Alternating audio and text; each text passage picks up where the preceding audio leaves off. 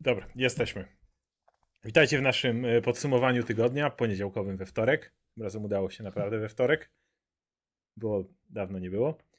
E, pogadamy sobie dzisiaj o kilku newsach. Mamy kilka ciekawych rzeczy, jeśli chodzi o box office, bo on wiele mówi o tym, jak wyglądają dzisiaj kina. E, newsów jakoś szczególnie dużo nie ma. Ja chciał się jeszcze odnieść, e, nie, nie wiem czy zdążę i czy, czy będę o tym pamiętał, do pewnej krytyki, którą mamy ze względu na na to, jak rozmawialiśmy o Wiedźminie, bo pamiętam, jak było dużo komentarzy, którzy, ludzi, którzy uważali, że tutaj nie pierdolimy głupoty generalnie, ale to mniejsza o to. Eee, godzinę temu wyszedłem z pewnego filmu, z seansu, więc o nim powiem bez spoilerów słów parę. Eee, ale jak zwykle e, możesz Radek zacząć, bo pewnie coś oglądałeś co, wiesz co, nie zdążyłem, kiedy dopiero co mieliśmy live'a. To prawda, mieliśmy w piątek, więc nie ma chłopie, wiele do powiedzenia. Chłopie, ja, dopiero się, ja się dopiero wyspałem od czasu ostatniego live'a, ty mnie to pytasz, co ja jest. robiłem, spałem. Dobra. No i tu ludzie czekają, żeby się dowiedzieć, czy Black Panther dowiózł, Dobra. czy jak tam Namor. Dobra, a ja chciałem, kto chciałem mnie w tym momencie? Dajesz. Więc, Daj, nie ma co. E, tak, oby, e, widziałem e, dosłownie godzinę temu Wakanda Forever. I muszę powiedzieć, że mam mieszane uczucia co do tego filmu. On pod wieloma względami jest lepszy niż pierwsza część, ale ja znowu nie jestem jakimś nie wiadomo jak wielkim fanem pierwszej części, więc e, warto o tym pamiętać. Więc kilka rzeczy. Po pierwsze, to na co pewnie ja, ja poszedłem, pewnie na co Radek pójdzie i to jest najważniejsze dla nas, ale tylko dla nas, bo jesteśmy tutaj fanami komiksowymi, czyli Namor. Namor dowiózł. Namor jest naprawdę spoko. Jeżeli ktoś jest mhm. fanem komiksowym Namora, to Namor jest spoko. E, te wszystkie majańskie elementy wyglądają naprawdę fajnie. Jego dwaj generałowie, Atuma i Namora, wyglądają też niczego sobie. Mają te, wiecie, pióropusze i tak dalej. To są postacie takie, ale wiecie, mm, dzieci tam. O, Namor pływalnik się pojawił. E, to są takie postacie ala e, dzieci Thanosa, które nie mają za wiele e, za wiele ról, nie? Ma, są tylko po to, żeby się ponawalać, ale no, wyglądają odpowiednio i, i to jest spoko. E, Radek, jesteś? Jak zwykle. Halo, halo, Radek? Czyżbyśmy mieli kolejny live? Nie, to nie, nie internet, wiesz co, moja kamerka coś okay, zwariowała. Dobra. W każdym razie. Um, sam Namor jest taki, jak być powinien, jest totalnym badasem, jest nie do zatrzymania, jest super silny, jednocześnie jest... jest dupkiem tak... odpowiednio? No, takim jak go lubimy, czyli jest tym jednocześnie jak trzeba, to jest odpowiednio dworski, odpowiednio łagodny, odpowiednio chce przedstawić swoją sprawę, wyłożyć. Jak mówi, że coś zrobi, to potem to robi. Jak mówi, że jak ktoś czegoś nie zrobi, to on coś zrobi, i jak ktoś tego nie robi, to on dalej coś robi. E, nie w żaden sposób nic mu nie jest ujęte, że tak powiem. I szczerze mówiąc, ja mu w tym filmie kibicowałem.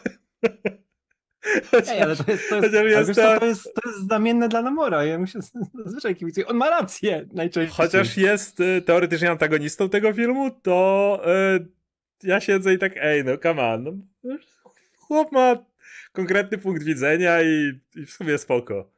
E, więc jest naprawdę e, jakby wszystkie sceny. Oglądałem ten film dla Namora, no nie ukrywam. I, i Namor super.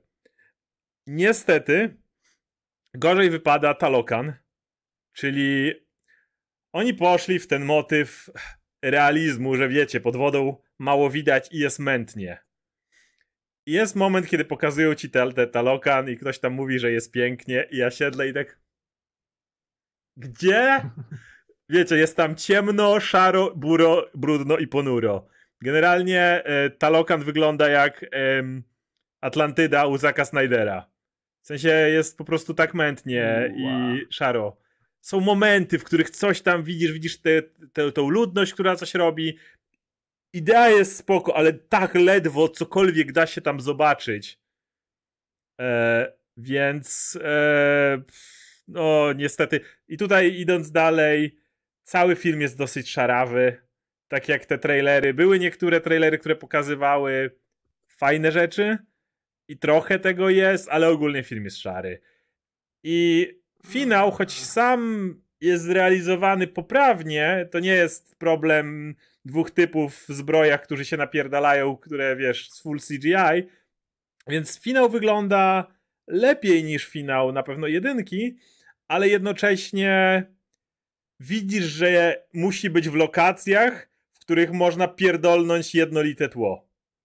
Tak jak Avengers biją się na żwirze w mm. Endgame, tak jak Shang-Chi e, z ojcem muszą nawalać się na jakimś też żwirze i tak dalej. No tutaj generalnie możecie sobie wyobrazić, że jak dasz wszędzie dookoła ocean i jakieś niewielkie elementy, to możesz pierdolnąć na tle statyczne niebo i ocean i masz tło załatwione i możesz robić na tym tle cokolwiek chcesz. To wiesz co, jeszcze, jeszcze cię dopytam o przyczatowo, żebyś bezspoilerowo powiedział, bo to są e, ciekawe rzeczy poruszone, e, czyli James Wan dalej top. Absolutnie, jakby e, jak bardzo mówię, Namor jest bardzo fajną postacią, to jednak jak to oglądałem i widziałem tą mętną wodę, te, te szare talokan, które, w którym ledwo co widzisz, jak te postacie wychodzą i możesz na chwilę przyjrzeć się tym majańskim zbrojom, tym, nie wiem jak to nazwać, pióropuszom, tym, tym dekoracjom ich wszystkich, to wyglądają super. Naprawdę wyglądają fantastycznie. Na, na, na, poziomie pierwszego Black Panthera, tak jak podeszli do Wakandy i do tych... Tak, tak, absolutnie. Jak widzisz te ich wszystkie ozdoby, bransoletki, mm. jakieś, wiesz, wszystkie te rzeczy. Mówię, szczególnie Atuma i Namora, którzy są generałami Namora. E, Namora jest generałem Namora, nieważne. Jak ktoś tak No Namora jest, no, no, no Namora tak. E, natomiast e, natomiast no samego tego miejsca prawie nie widzisz. Jak sobie przypominasz Ułana, jak stwierdził, że e, da jakieś bullshitowe wytłumaczenia w zasadzie e, Atlantydzi widzą lepiej pod wodą i tyle. I masz te przepiękne no to... Atlantis, wiesz, kolory po prostu wszędzie, jak oni lecą przez to, wszystko jest prześliczne, cudownie wyglądające, wyraźne, to tu tutaj, wiesz, na 5 metrów dalej nic nie widzisz. To zakładam, że tutaj ośmiornica nie będzie grała na bębnach. Nie będzie grała na bębnach, niestety. Eee. Jest, okay, to, jeszcze, to mogę tak mam... powiedzieć, bo widzieliście w trailerze, jak oni płyną uczepieni wieloryba takiego. E, Aha, są okay, no drobne tak, tak, elementy, ale mało wykorzystane. E, te zwierzęta raczej wyglądają jak środki transportu niż cokolwiek innego, więc nie, ma, nie będziecie mieli wielkiej bitwy, jak w Aquamanie, gdzie nagle rekiny wpadają i nie wiadomo, co tam mhm. jeszcze się dzieje, nie? Znaczy to, to jest takie ży życie podwodne bardziej o, Richarda Attenborough, tak? Że po prostu wszystko sobie żyje tak, jak żyje. Tak, oni są bardzo nastawieni na to, żeby nie mieli jakichś nie wiadomo jakich technologii czy czegoś takiego, tylko hmm. żeby korzystać, bo oni, oni mają być, wiesz, tym elementem natury. Więc mają żyć w zgodzie z naturą, mają tworzyć rzeczy z tego, co mają tam pod wodą do czego mają dostęp okay, bez dobra, dobra, żeby, żeby, żeby, żeby, za dużo żeby, tak. żeby za dużo żeby za dużo nie powiedzieć. Jeszcze dopytam tylko no. jeszcze dopytam tylko, bo Julian pytał i to będą dwie rzeczy połączone, czy Namor plus minus do polubienia, jak Semp, jak Vulture z Homecoming? Bardziej, bardziej do polubienia, chłop czy... rację. Okej. Okay. I czy Namor lepszy od Wenwu z Shanga? To jest zupełnie Wenwu. inna postać. Y, to jest... Wenwu jednak był dużo bardziej złoczyńcą.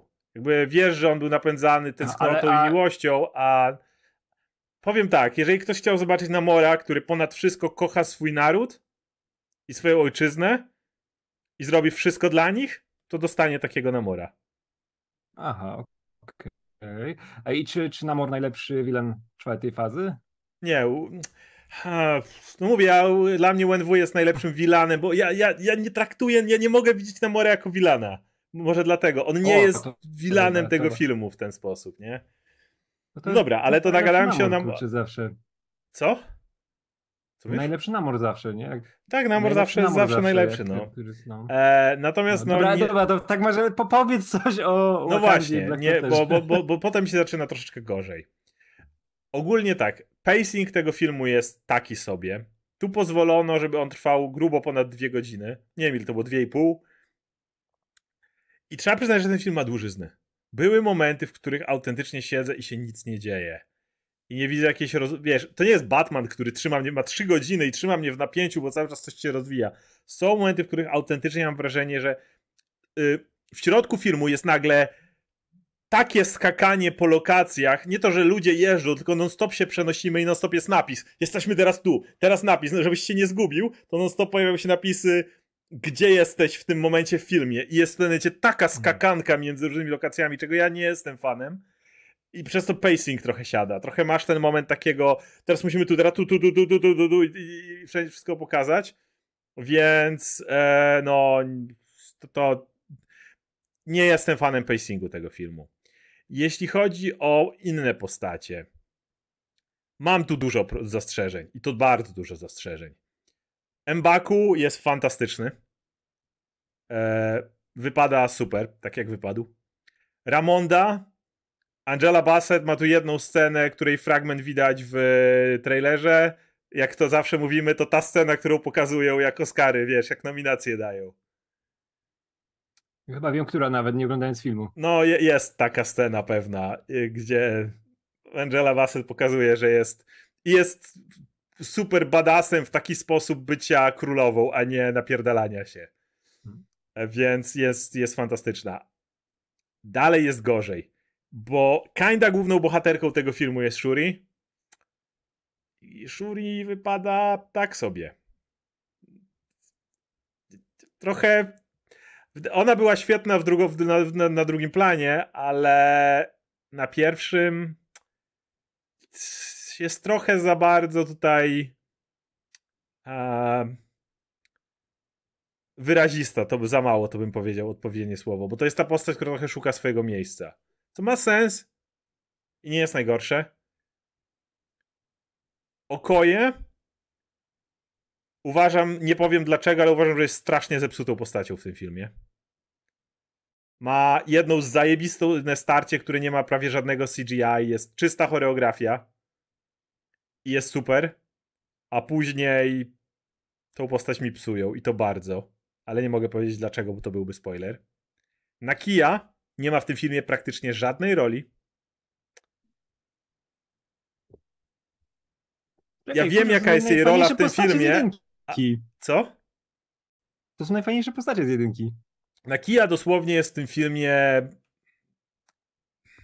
Le... Nie, nie ma nic prawie do roboty w tym filmie. Co, coś tam robi raz i to jest generalnie tyle. I, i, i niewiele więcej. I jest Riri, która jest. Meh. Widzieliście jej, nie wiem, czy ma. E, inną rzecz powiem. Ona nie, nie ma jej dużo, tej Riri. Jakby to, to nie jest jakoś strasznie rozwinięta postać, więc ona tam gdzieś tam jest. E, Martina Freemana też ledwo co jest w tym filmie. Tam się pojawia parę razy i coś tam, coś tam gdzieś. Jest go dużo mniej niż było w jedynce dla jasności. E, Everetta Rossa. E, z Riri mam i mam taki problem jak e, z Shuri. Ich kostiumy są tak brzydkie Kostium Shuri pewnie widzieliście, bo już był w masie promocyjnej. Był w trailerze pokazany. Tak, był w trailerze. A, ale i chyba kostium Riri też gdzieś był pokazany na chwilę. Ten tak, Iron tak, on jest taki work in progress, tak? No nie wiem, jest brzydki w ciul, ma taki, taki jest przez, te stroje są tak przekombinowane, one są tak brzydkie. Generalnie cieszę się, że chociaż Namor lata w tych swoich zielonych speedosach i jakby to jest wszystko, bo, bo strasznie mi się nie podobają te mm, te, te, te, te kostiumy. E, więc e, tak, to jest taki power, no jak Transformer wygląda, taki z tej z gorszej fazy ten hmm. Riri kostium. Totalnie jest przekombinowany i przesadzony. Ma, pewnie go zmieniają w innych e, filmach, ale, ale ogólny ten design bulki jest fuck mi się nie podoba strasznie.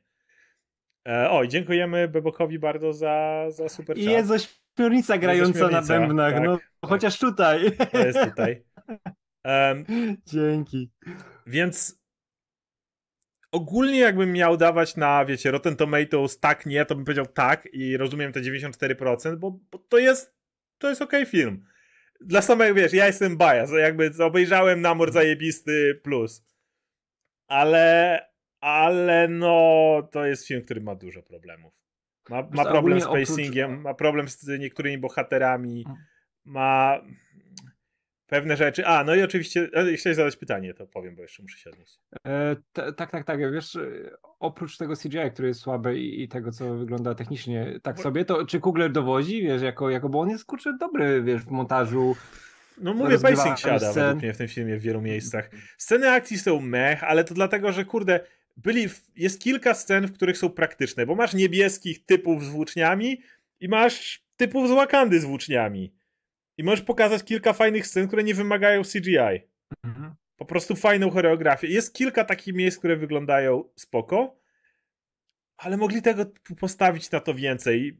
To jest coś, co mi psuje ten film, o czym znowu nie mogę mówić, bo to spoiler, ale... Okej, okay, dobra, i jeszcze, jeszcze, jeszcze ważna rzecz. Czy no jak wygląda, czy, czy jest konkretnie zrobione to pożegnanie z Chadwickiem? No właśnie, do tego chciałem fabuły się... głównej filmu, nie? Do tego chciałem się odnieść. Główny wątek Shuri to jest taki, że brat zmarł na tajemniczą chorobę. Mówię, to jest początek filmu dosłownie. I nie ma, zmarł chłop. I wiesz, i ona musi się z tym pogodzić. I problem jest taki, w środku tego filmu nie ma tego tak dużo, ale to jest główny wątek napędzający Shuri. Mój problem z tym polega na tym, że kiedy się do tego odnosimy, za każdym razem, ja wiem, do czego te sceny mają się odnosić, ale problem mój polega na tym, że ja rozumiem, że to mogło być bardzo wielkie miało przeżycie dla ludzi, którzy znali Chadwicka osobiście. Którzy kręcili to w momencie, w którym e, ten film powstawał, że Kugler jakby przelał w to serce i tak dalej. E, ale z drugiej strony, tak, to jest, to, to jest off-screen, tota, totalnie. Ale to było to, to zwiastuny też to tak, wskazywały tak. na to, że będzie tak, wszystko. że śmierć jest off-screen ale z mojej perspektywy to wygląda niestety tak, że ja Chadwicka osobiście nie znałem, lubiłem jego rolę, ale od jego śmierci minęło już naprawdę dużo czasu. To jest zupełnie inna sytuacja na przykład z Paulem Walkerem, gdzie byliśmy, wiesz, dokręcanie tych scen, gdzie on jeszcze był w tym filmie, gdzie jeszcze było. No tu mam taki problem, że za każdym razem, kiedy uderzają, a uderzają parę razy, próbują w tą nostalgię Chadwickową uderzyć, że przypomnieć, wiecie, są wklejone sceny z Chadwickiem i tak dalej jako w sensie fragmenty z filmów, które widzieliśmy. I ja mam takie. Ja wiem, co wy robicie, ale moje zimne na głaz serce się nie rusza już w tym momencie. Nie? Jakby ja już. I myślę, że niestety wiele ludzi tak będzie miało, bo, bo jednak masa ludzi już trzy razy przepracowała to. Wiesz, był, był smutek, był żal, mhm. była żałoba, tylko, tylko niestety filmy powstają dużo czasu. Więc automatycznie to niestety nie działa. I ponieważ to jest główny wątek Shuri, no to automatycznie jej główny wątek średnio wybrzmiewa. Więc no niestety. To nie, ale to nie przysłania, dla jasności, to nie przysłania większej części filmu, nie? Większa część filmu jest o konflikcie Atlanty... Talokan i Wakandy, więc e, co, co pokazywały trailery. I też za, za, zarzewy tego, tego konfliktu też jest jakieś konkretne, tak? Nie jest, że wyciągnięte zupełnie z tyłka, żeby tylko się tłukli. Jest tam coś więcej? Jest i na szczęście jest ono poparte i Namor was right generalnie. Jakby z czego to wynika. To jest, to, jest to, co w komiksach działa, no. On e... ma swoje sposoby działania, ale to zazwyczaj ma rację, nie? Tak, natomiast okej, okay, to teraz jedna rzecz, o której ci powiedziałem przed nagraniem, bo nie mogę tego zaspoilować. Bo pytacie, czy jest scena po napisach. Powiem tak. Film się kończy, są napisy końcowe. Myślę, miałem trochę problemów, ale namur zajebisty. Film mi się podobał w sumie. Potem jest scena po napisach. Ja czasami mówię, że wiecie, oglądasz coś, e, masz, masz fajne wrażenie, a potem i, i myślisz sobie, całkiem spoko film i potem sam, sam koniec filmu i masz takie to był odgłos, który ja słyszałem przez całą scenę po napisach. Jest to najgorsza scena po napisach w historii scen po napisach. Jest to najkurwa głupsza rzecz, jaką w życiu widziałem. Ja będziemy o tym rozmawiać spoilerowo, bo nie mogę powiedzieć kompletnie, co to jest. Ja się przyznam, ja się przyznam że ja Radek się, wie, bo ja mu napisałem, znacie, moje podejście, znacie, znacie moje podejście do spoilerów, nie? Ja chciałem wiedzieć pewne rzeczy ze sceną po napisach i jak usłyszałem, co tam jest, to myślę, oh boy. Ja zrobiłem facepalm. Ja zrobiłem no. facepalm w kinie. To jest. No, jest, jest bardzo dziwne i co. Nie, to, to wam powiem tak, to co teraz piszę na czacie, to jest coś, czego się nie spodziewacie. W takiej mm. formie, jakie zostało podane. Nie. I to nie jest coś takiego, co jest super wow, nie? Coś takiego, co... Nie, nie, nie, nie, to, to, to nie jest tak, że wiecie, że doktor Doom wchodzi, czy coś takiego. Nie ma doktora Duma żadnego tutaj, czegoś takiego. To jest... Oh. O krok za daleko w pewnym, z pewnymi sprawami. To jest o 10 kroków za daleko. To jest coś tak leniwego i słabego. Nie, nie, nie, nie, nie, nie możemy nic powiedzieć, bo to trzeba mogę. zobaczyć. Ja teraz muszę to zobaczyć. Nie mogę nic powiedzieć to powoduje. Nie, jakbym nawet naprowadził i mówił o pewnych postaciach, to by naprowadziło was, co to mogłoby być, więc nie. Eee, tak. Więc, e, czy mogę coś jeszcze dodać? Chyba nie. Tak A jak, jak, jak, się ten, jak w tej chwili, wiesz, po, po, po sensie, tak na czysto, no. e, jak na liście czwartej fazy? Wysoko, nisko, po środku? Jeden z lepszych? Coś jest lepszego? Jakbyś miał teraz tak na świeżo. Ja jestem bias przez Namora, przepraszam, więc. E, ale generalnie to jest to, to ok film. Gdyby nie miał problemów z pacingiem, to jakby, wiecie, to nie jest ten film. Wymieniłem pewne problemy, ale to nie jest ten film, gdzie oglądasz i myślisz, ale to nie ma sensu. Wiesz, to nie jest Black Adam czy coś takiego, ale no jednak nie jest też to, ten rozrywkowy ton uderzony znowu. Hmm. Ale to nie jest też ten motyw, w którym. Jest tylko jedna scena po napisach, nie musicie się do końca. Jest tylko po pierwszych. Po tych ostatnich nic nie ma. Ale to nie jest taki film, którym. E, w którym myślisz, że to nie ma sensu, wiesz, nie, jak masz, nie wiem, wątek w Eternal z tych e, dewiantów, czy coś takiego, nie ma takich bullshitów w tym filmie. Jest kilka naprawdę fajnych rzeczy, kilka fajnych pomysłów, e, więc to jest ok film i i on jednak ma na przykład bardzo, co bardzo szanuję w dzisiejszych czasach, ma bardzo stonowany humor do. Yy, o, na przykład yy, to, to, to, czego się nauczyli. Nie, Wenwu, czemu był tak dobrym złoczyńcą? Bo nigdy nie miał nic humorystycznego wokół siebie. W filmie były dowcipy, miałeś tę Aquafinę, która żartowała i tak dalej, ale Wenwu nigdy nie musiał być rozwalony dowcipem. I przez to się utrzymał. Namur jest taki sam pod tym względem. Namor nigdy nie ma takiego momentu, że Namor coś robi i nagle, wiesz, słyszysz bąka z tyłu, czy coś takiego. Jak Malekit jadący twarzą po szybie, czy coś.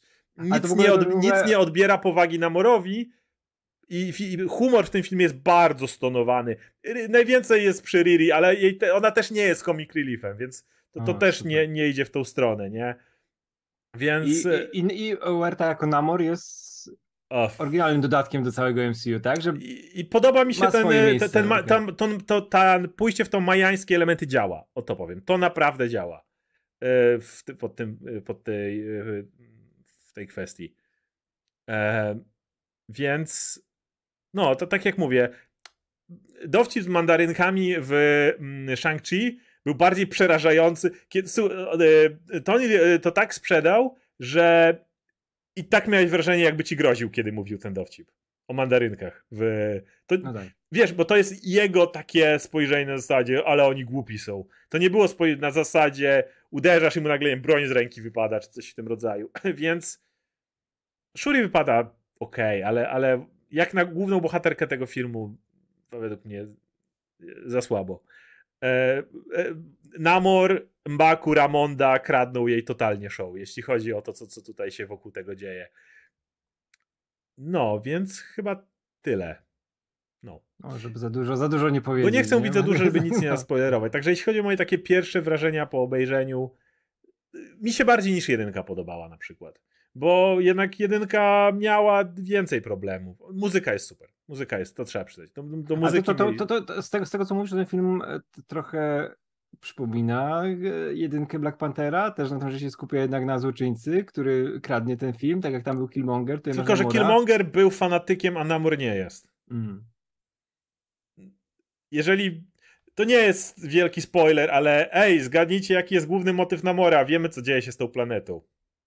Wiemy, gdzie najbardziej czuć elementy, jak ludzie wyzyskują złoża i zasoby. Namorowi się to kurwa nie podoba.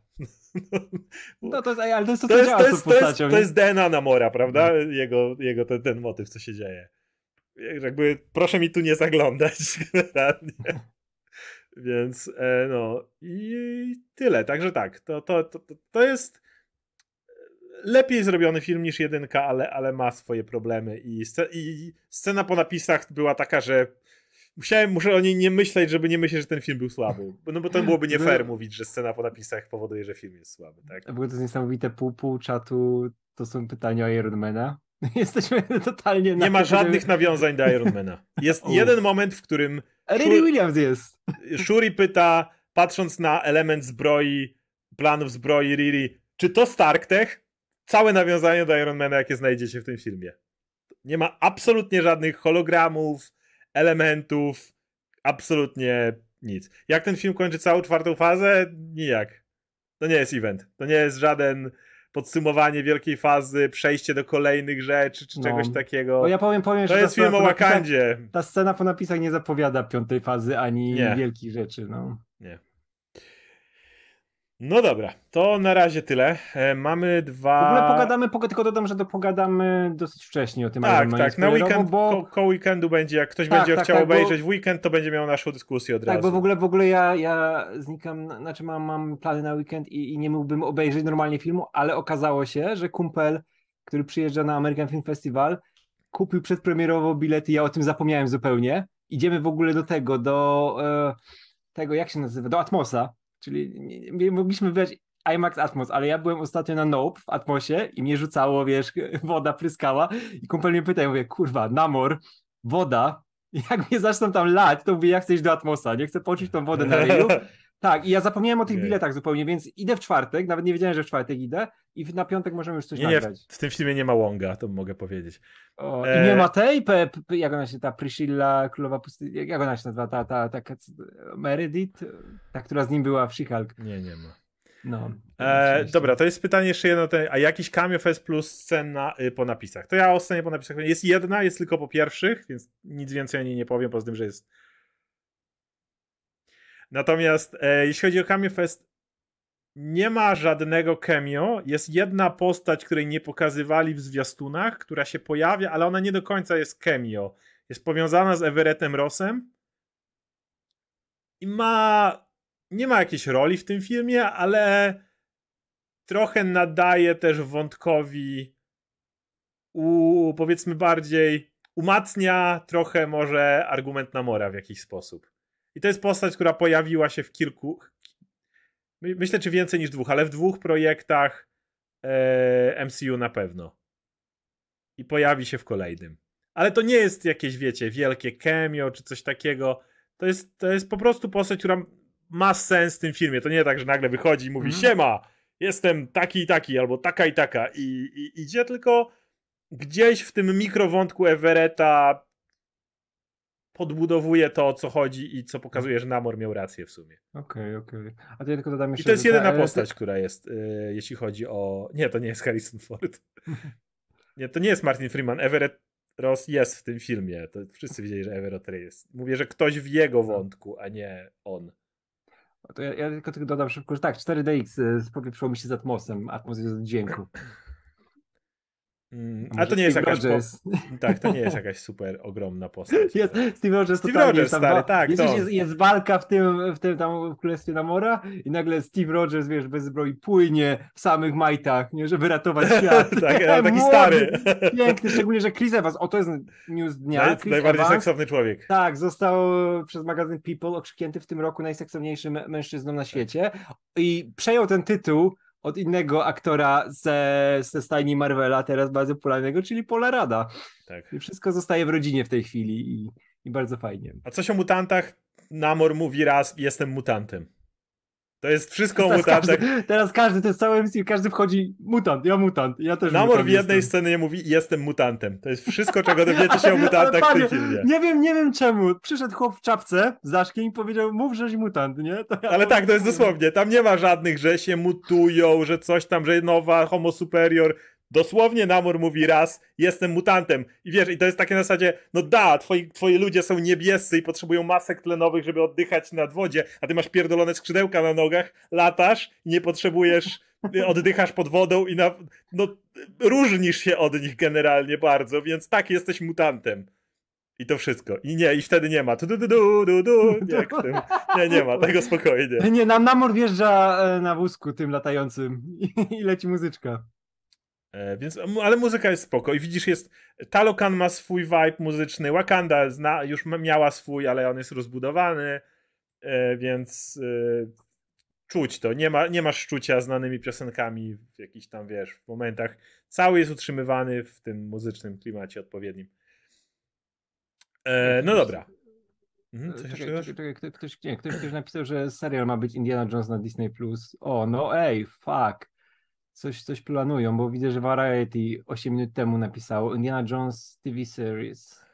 8 for Disney+. Plus. O nie, tylko nie z Harrisonem Fordem, przecież oni w serialu to chłopak, kurczę, nie zobaczymy Thunderbolta Rossa, nie zdążyłem, bo oni go zajadą tym. no. Nie, ja po tych rzeczach, które były z Disney+, Plus, ja nie chcę serialu Indiana Jones, zostawcie mi go Wiesz, co byłoby spoko? Ale... To byłby serial młody Indiana Jones i siedzi Harrison Ford w, biur, w biurze i opowiada swoje historie i masz innego pisze aktora. Swój, pisze swój pamiętnik. I, I obo inny aktor gra jego młode wcielenie. To jest nie wiem, prawie to, co było, prawie to, co było młodym Indiana Jones. Indiana Jones, to praktycznie to było to właśnie, nie? Więc no. Y, jakby po powtórka młodego Indiana Jonesa nie miałbym z tym żadnego problemu. Który, co było bardzo fajnym serialem i Sean, Sean, Sean, Sean Patrick Flannery, nie? Konrad że Ant-Man też nie był eventem, ale przed Ant-Manem był Avengers 2. Co było przed Wakanda Forever? Co było? Ja Thor. Pamiętam, był. Thor był, no. To dalej nie jest podspięcie fazy. Y, Ant-Man był takim trochę doklejeniem do Avengers. Avengers było de facto końcem drugiej fazy. Ant-Man był taki na zasadzie, no uznajmy go, że jeszcze jest w tej samej, nie? Ale tam miałeś to dopięcie, którym był Avengers 2. Czwarta faza tego nie ma. Eee, dobra. Eee, o, widzę, że na przykład Black Panda Forever is reviews praise its emotional but unbalanced story. No, no to bym powiedział, tylko, tylko u mnie jeszcze mniej emotional, bo nie czułem tego aż tak.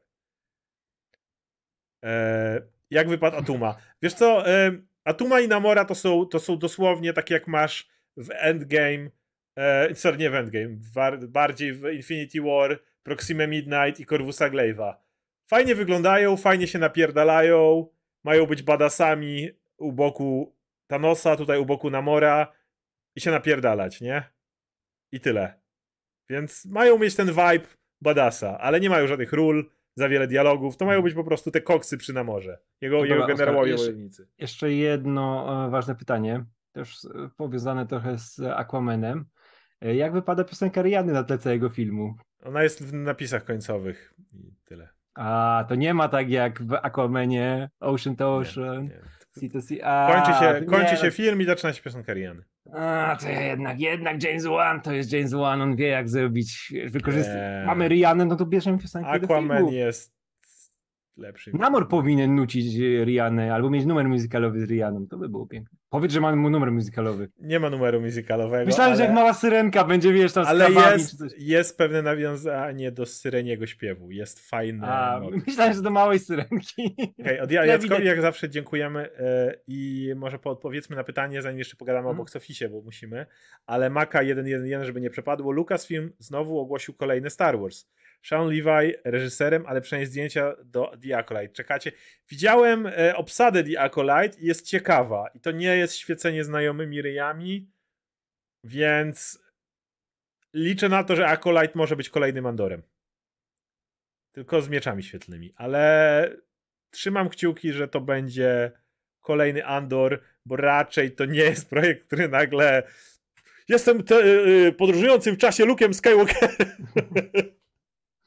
Nie, no. to, będzie, to będzie, wiesz, e, młody Palpatine, który się przeniósł w czasie i oby zaczyna. Nie. Więc no spoko. Natomiast e, jeśli chodzi o, o, ogłaszanie kolejnych Star Wars, to tak jak mówię, właśnie o to chodzi. Zaczęły, ruszyły zdjęcia do The Acolyte, Acolyte leci na mój radar. Cokolwiek Lucas film za, zapowiada z Gwiezdnych Wojen, ja, ja nie traktuję, że to ist... z mojej perspektywy to nie istnieje na tą chwilę no. oni mają już taką. E, to, jest, to jest drugie DC, te dawne DC. Zresztą gadaliśmy wczoraj, bo mamy fajną dyskusję z, zrobioną o DC, która się pojawi jutro, jutro prawdopodobnie. Mhm. E, I gadaliśmy o starym DC, gdzie było to zapowiadanie kolejnych projektów i kasowanie ich na nowo. Ja tak widzę Lucasfilm dzisiaj. Więc zapowiadanie kolejnych projektów No, wiesz co, w ogóle teraz e, e, w, tej, w, tej, w, tej, w tej części Gwiezdnowojennej przydałby się taki Hamada, o którym właśnie jutro gadamy. Tak. Który by to poukładał, dał fajne projekty fajnym ludziom i troszkę to odświeżył. Mhm. E, dobra, chcę pogadać parę słów o box office. Bo dzieje się kilka ciekawych rzeczy, które y, pokazują pewne trendy. Zacznijmy od Black Adama, który od premiery z tygodnia na tydzień był numer jeden w box office. Myślisz sobie, wow! Wiesz, najlepiej jeszcze otwarcie filmu z The Rockiem i tak dalej. Myślisz sobie, wow! Black Adam rządzi. Niestety, ma on obecnie na koncie 321 milionów. Dlaczego niestety? Bo film kosztował 200 według raportów potrzebuje mniej więcej 450, żeby wyjść na zero. Bo to jest tam yy, wszystkie serwisy. Niektóre mówią 500, ale nie uwzględniam tego. 450 powiedzmy. Ten film miałby szansę dotoczyć się do 450 nawet teraz, ale niekiedy do kin wchodzi Black Panther. Hmm. Nie ma szans. To jest, to jest też te, ten typ filmu, na który wszyscy, którzy mieli pójść. Dokładnie, to już jest trzeci tydzień. Tygodniu. To jest trzeci hmm. tydzień niestety. I wydaje mi się, że Black Adam, gdyby. E, to jest jednak. To są trzy tygodnie. To nie jest. Wiecie, na przykład Top Gun Maverick zaskoczył wszystkich, ale Top Gun miał jedną zajebistą rzecz. Bardzo znikomą konkurencję. Patrzcie, jak długo zarabiał Top Gun. Hmm. Black pierwsze, Adam nie jest tak jakościowym filmem jak Top Gun nie będą na niego ludzie chodzić przez tyle tygodni i jednocześnie konkurencja, jeśli chodzi o superhero, jest wchodzi Black Panther. Nie widzę wielkich prognoz, żeby Black Adam dobił 450 milionów. Tak, plus wiesz, plus jednak Star Power, to Tom Cruise e, bierze roka jak chce, nie? Wiesz, filmy z rokiem zarabiają, tu zresztą Black Adam Tylko zawsze były najlepiej... tańsze. Tak, tak, były tańsze, ale też no, Black Adam jest y, najlepiej zarabiającym, wiesz, na premierę filmem z The Rockiem głów... jako głównym bohaterem, tak. nie? no to nadal przy tych rzeczach, które robi Tom Cruise ze swoimi filmami, z premierami, no, no to jest nie do porównania, nie? Plus wie, wiemy, że Top Gun łączył pokolenia, wiesz, miał, miał te, miał y, pocz, poczta pantoflowa, no i właśnie tak jak zobaczyć to w Szymon napisał, Top Gun zarabiał przez parę miesięcy. Black Adam mm. nie będzie zarabiał przez parę miesięcy. Nie, też drugiego, no, drugiego takiego Top Guna nie dostaniemy przez parę lat pewnie, tak. nie? Żeby film był takim fenomenem i... Żeby ludzie tak wracali, tak żeby, tydzień, ten, żeby, no. żeby, wszystkich zaskoczył, wiesz, nikt się Mówię, nie spodziewał. Poczta pantoflowa, kto, kto ci powie, wiesz, żebyś szedł zobaczyć Black Adama, nie? Wszyscy, my powiedzieliśmy, ej, poczekajcie na HBO jak będzie. Czy myślimy, że Black Panther przebije miliard? Nie mam zielonego pojęcia. Yy, bo chcę się odnieść do jednej rzeczy to niestety też pokazuje to, co od, od dłuższego czasu mówię, że kina dalej są w średnim miejscu. E, jeżeli film przez trzy tygodnie z rzędu był na, top, na topce i zarobił 321 baniek i myśl sobie o tych czasach, kiedy takie blockbustery zarabiały znacznie więcej, znaczy, znacznie więcej ludzi chodziło do kin no nic dziwnego, że takie wiesz, postpandemicznie, jak mówiłem, że jest problem taki, że, że kina już, że wróciły filmy, wiesz, jakieś tam e, No Way Home czy coś tam za, zarobiły w chuj pieniędzy. Ale problem jest taki, że między nimi są ogromne dziury. I taki Black Adam, no to nie jest film, który dźwiga kina nie wiadomo jak. Myślę, że, że, że Black Panther, Avatar ma szansę zrobić dobre pieniądze. Tak, tak, tak. Ale to, ale to znowu jednak pokazuje, jakie są dziury. No jaki jest, był ostatni super zarabiający film, taki, mówimy, zbliżając się do miliarda? No ten Thor ostatni, to był prawdopodobnie taki film, który miał na największy mm. box office, nie? No to jednak są... Bo, bo, bo, bo Maverick był wcześniej, więc to jednak, po, no patrz, ile miesięcy mija między jednym filmem a drugim, zanim, który zaczyna zarabiać takie pieniądze, że ściąga ludzi masowo do kin. Więc niestety to pokazuje, że no trend jest taki, że, że, że nie ma nie ma szału, jeśli chodzi o chodzenie do kin. Tak, tutaj, tutaj Misza też pisze, że e, może dzięki inwestycje filmowe wreszcie zrozumieją ich mniejszą budżety filmów. Te budżety będą troszkę w dół szły, bo im się to nie będzie kalkulować przy no. tych e, zarobkach, które teraz mają, nie? Będą musieli tutaj na niektórych rzeczach oszczędzać. Ale wiesz, to też będzie może uzdrawiające trochę do kina przez jakiś bardzo. czas. Wiesz, jeśli chodzi o też nawet nie same budżety, ale na przykład yy, garze, które wywalały w kosmos, przez co były tak. te wszystkie nierówności związane z tym podziałami, już nawet nie płciowymi, ale ogólnie, nie? Jak to było między obsadą zieloną. Mieliśmy tą gwiazdę, która zarabiała kosmiczne pieniądze i mieliśmy wszystkich na boku, nie? Którzy też robili świetną tak. robotę, a to nie Rozumiesz, że gwiazda zarobi ci dwa, trzy razy więcej od pozostałych, tak, tak, tak. ale... ale nie jak na tym poziomie, na którym, nie ale wiem, to nie jest dwa, trzy. Tak, ale przy okazji tego, jak MCU na przykład wywindowało te garze, nie? które w pewnym momencie no, już były parodią po prostu.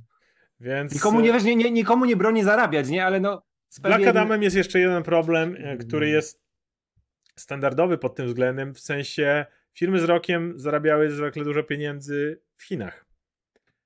Black Adam do tej pory premiery w Chinach nie miał. Jest cała masa plotek, o których czytałem, że to wynika z tego, że Pierce Brosnan na jakimś tam wywiadzie miał e, naszyjnik, czy jakąś tam biżuterię z symbolem związanym z Dalaj Lamą i wiesz, i Chinom się to nie podobało i tak dalej.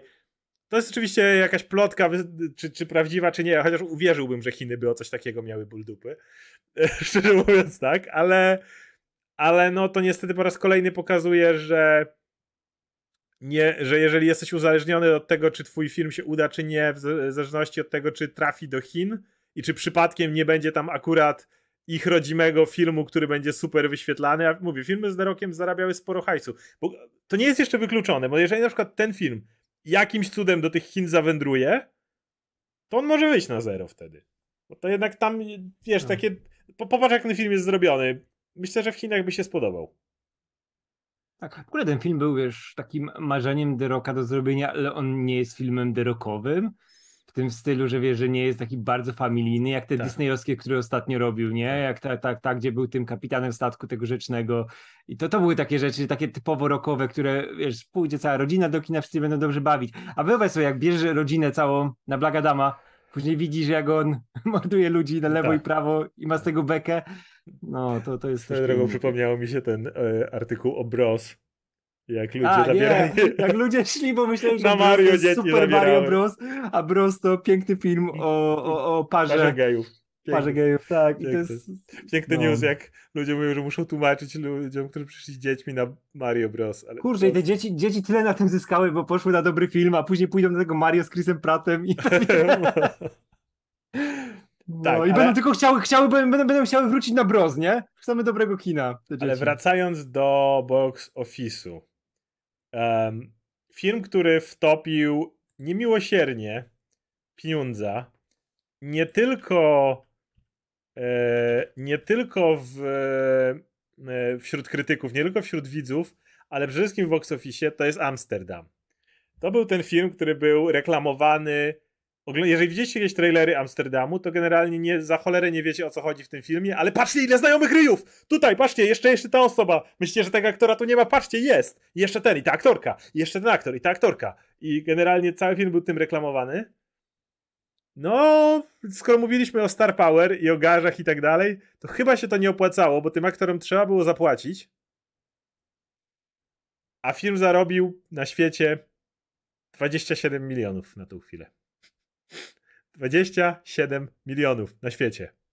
E, jestem ciekawy, jaki był budżet tego filmu, bo nie mogłem znaleźć informacji na ten temat, ale myślę, że same gęby by trzeba było tam zapła zapłacić. Nie, że to, jest, to, jest, to jest przykład tego, jak, jak nie wiem, było lata temu, e, w latach 80. E, Heaven's Gate Michaela e, Kimino, Simino, no, tego, tego, tego wielkiego reżysera od e, e, Dirhatera ale mm, to jest ten film, nie? Który, gdzie masz super aktorów i wydaje się, że tylko wystarczy ich zebrać do kupy i oni ci zrobią film, nie? No to tak nie działa. Nie. De de deadline, twierdzi, zachęcał. deadline twierdzi, że budżet to był 80 milionów. 27 na świecie obecnie. I te 80 to były właśnie pewnie y, twarze i nic więcej. Więc e, no to jest film, który generalnie nic nie zarobił. I to jest dosłownie motyw, w którym wsadź dużo ryjów i zarobisz. No tak to na szczęście nie działa. E, z innych rzeczy, z tego, z, które ostatnio klepią ogromne pieniądze, to jest horror Smile. E, horror Smile, który pewnie kosztuje jakieś śmieszne pieniądze, 17 baniek, to jak na horror, to wysokobudżetowy zarobił 202 bańki na świecie. E, chyba nigdy nie będzie konsystent, y, konsystentnie y, stale zarabiających filmów takich pieniędzy do budżetów jak horrory. Wydaje mi się, że wiesz, że zdarza się jakieś, jak było na jeden z tych filmów, który kosztował śmieszne pieniądze, zarobił masę, moje wielkie greckie wesele, bo on chyba kosztował 2 czy 3 miliony i zarobiłeś tam mhm. set milionów. Ale jeżeli pomyślisz o jedynych filmach, które stale mogą kosztować między, wiesz, 3 a 20 milionów i zarabiać tego typu pieniądze, to, to, to horrory zawsze będzie działało. I tak, miał świetną kampanię reklamową, ale to dalej film za 17 milionów dolarów. Więc nie wiem, czy widziałeś, bo ja jestem nie Nie, nie, nie, ja mam, mam, mam Ale ma też dobre opinie Ej, bardzo. Bardzo żałuję, że przegapiłem w kinie, kurczę. Ale więc, można nadrobić. Więc ja widziałem trailery i stwierdziłem, że tego nie obejrzę, więc, e, bo nie, to nie jest coś, e, co, co, chciałbym oglądać bardzo, natomiast cały czas e, mówię, jak patrzysz na te wyniki, jestem, musiałbym zrobić research, E, bo nie chcę mówić z tyłka, ale jest, myślę, że jest duża szansa, że nie ma roku, żeby nie było tego jednego horroru przynajmniej, który kosztował podobne pieniądze i zarabiał kilkaset baniek. Wydaje mi się, że w każdym roku jest taki horror i dlatego w każdym roku każdy ma mhm. nadzieję, że to będzie właśnie jego horror, bo zawsze ten jeden slot jest. No bo wiadomo, te nie, nie, wszystkie, nie wszystkie horrory rozbijają bańki, ale co roku zdarza się taki jeden, który. Tak, masz ten jeden, który zbija bańkę, później inni próbują go naśladować, nie wychodzi, nie? I później znowu wchodzi ten, tak. który jest zupełnie w innym stylu, rozbija bańkę, znowu inni będą próbować za nim gonić. No i e, skoro jesteśmy dalej przy mm, e, ogromnych sukcesach, e, chociażby anime, no to jest One Piece, który jest w, w kinach. I dalej ten trend anime, które zarabia filmów anime obok tych Dragon Ballowych, ale było e, było jeszcze, już zapomniałem jak, jak się nazywał tytuł, bo jestem bardzo nie anime. Co, co było przed Dragon Ballem Super Super Hero? Jakie anime było w e, kinach?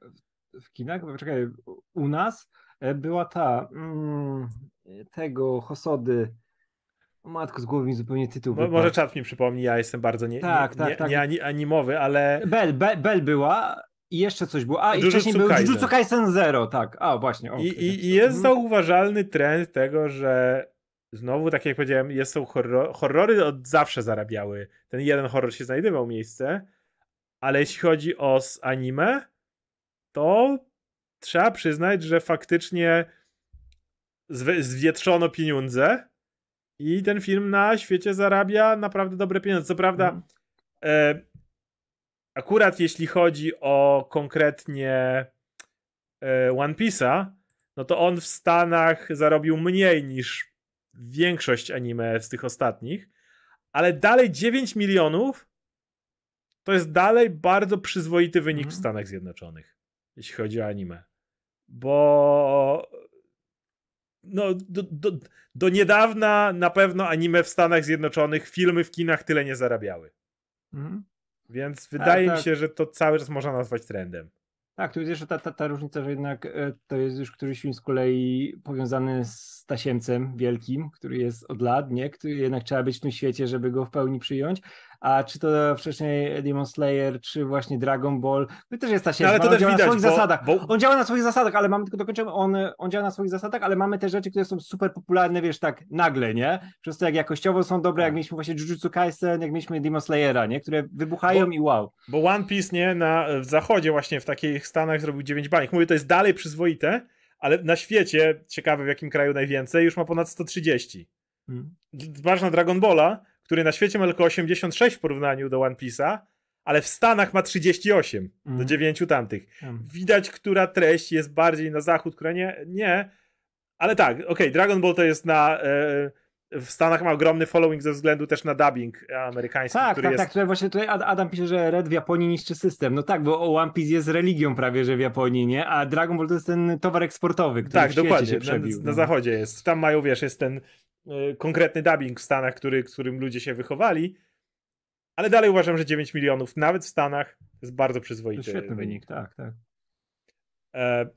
Jak wiesz co, jak jesteśmy jeszcze przy wynikach rzeczy różnych, jak przedłeś mm. filmy anime, to ja jestem absolutnie pod wrażeniem i to jest największe osiągnięcie, które przebija wszystkie, o których tutaj do tej pory mówimy. To jest Taylor Swift, która wbiła w top z dziesiątce, top 10 Billboard Hot 100 w Ameryce, czyli najważniejsze notowanie mhm. muzyczne, które pokazuje, wiesz, co jest teraz największym hitem, jak się to utrzymuje przez tygodnie.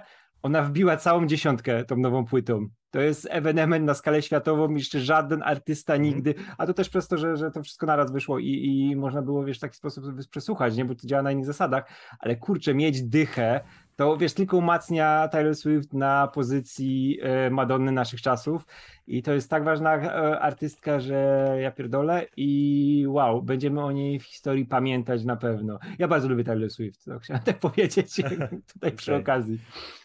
Ach, nie. Dobra, mój kot przyszedł teraz się pieścić. Ujo. W dobrym momencie, tak. W ogóle wczoraj e, miałem mm, ane, anegdotka w przerwie. E, wczoraj miałem mojego kota musiałem zawieźć drugiego na czyszczenie dziąseł. Tam jeszcze okazało się, że miał jeden ząb wyrywany.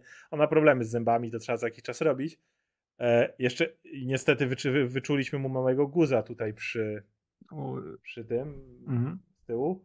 Więc zawieźliśmy go i poprosiliśmy weterynarzy, że jak już będzie spał na tych dziąsłach, to żeby zrobili wymaz z tego i mhm. pobrali. Weterynarz zrobił na szczęście czysty tłuszcz. O, to dobrze, że grubaskowi tam troszkę tłuszczyku wyszło. Kruszynek akurat, on nie, grubasek. A nie, no, ale, znaczy, ale, ale kruszynek też jest troszkę... Kruszynek jest, jest, jest fit, ale, ale, no. ale no to jest tłuszczak, wiadomo, to mu zostanie ta gula, no bo, tak, tak, ale, ale 12-letni kot ma Jezus prawo. Jezus Maria! 12-letni kot ma prawo mieć tłuszczaka, nie? No tak, ale, ale tak, tak. wczoraj w ogóle Kruszyn jak wrócił, to jeszcze miał tego głupiego Jasia i wiesz, tak chodził. No. Jedno oko mu się, jedno oko miał przymrużone, drugie otwarte.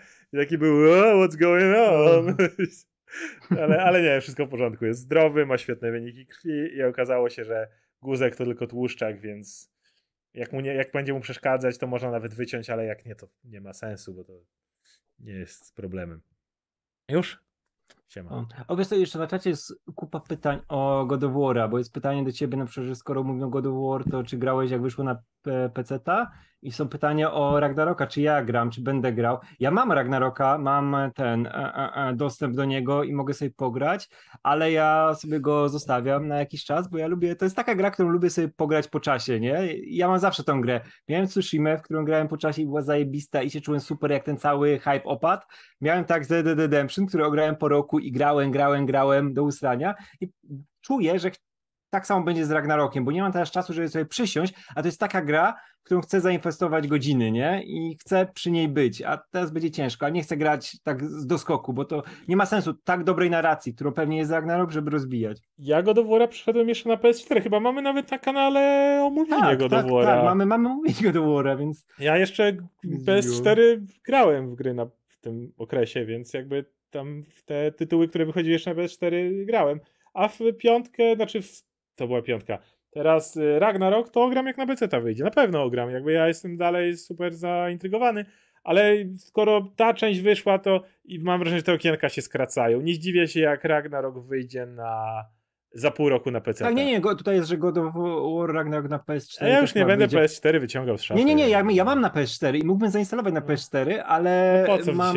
Ale wiesz, no tak, wiesz co, ja w, tym, ja w tym tygodniu zamówiłem PS5. Nie ma... I, I wiesz co, ale wiesz, zamówiłem PS5 i, bo w końcu jest w normalnych cenach, nie, bo no. chciałem zamówić dwa miesiące temu i nagle mi skoczyła, wiesz, z trzech tysięcy, trzech z hakiem do czterech, nie? Ja mówię, kurwa, nie ma szans, pocałujcie się w dupę, nie? Już, wiesz, ja mogę jeszcze poczekać, bo wcześniej ogrywałem te stare tytuły i tak. nie potrzebowałem piątki, nie? Ale teraz mówię, jak mam tam rzeczy do recenzowania, nie? I te wszystkie kody, które leżą, to mówię, dobra, już niech będzie, nie? Nie potrzebuję, ale, ale niech będzie i e, dostałem też od kumpla w prezencie tego Ragnaroka i mówię, zagram, ale sobie myślę, nie, poczekam jeszcze. To będzie ta gra, którą, na którą muszę mieć czas. A ja, kumpel ja, wziął w ogóle, ja. wiesz co, kup, tylko dodam, że kumpel w ogóle wziął urlop, nie? I był przygotowany, kupił monsterów z grzewkę, gdzie wysłał mi zdjęcie, nie? Że jest odpalony God of War, czeka, liczy godziny, ma zgrzewkę tych, Szymon, pozdrawiam, i czeka na God of War'a. W ogóle on jest, on jest ten, a to mówiłem w rozmowie z Filipem chyba, nie wiem, czy to nagrywaliśmy, czy nie, że Szymon jest gościem, który przeszedł God of War'a z 10 razy,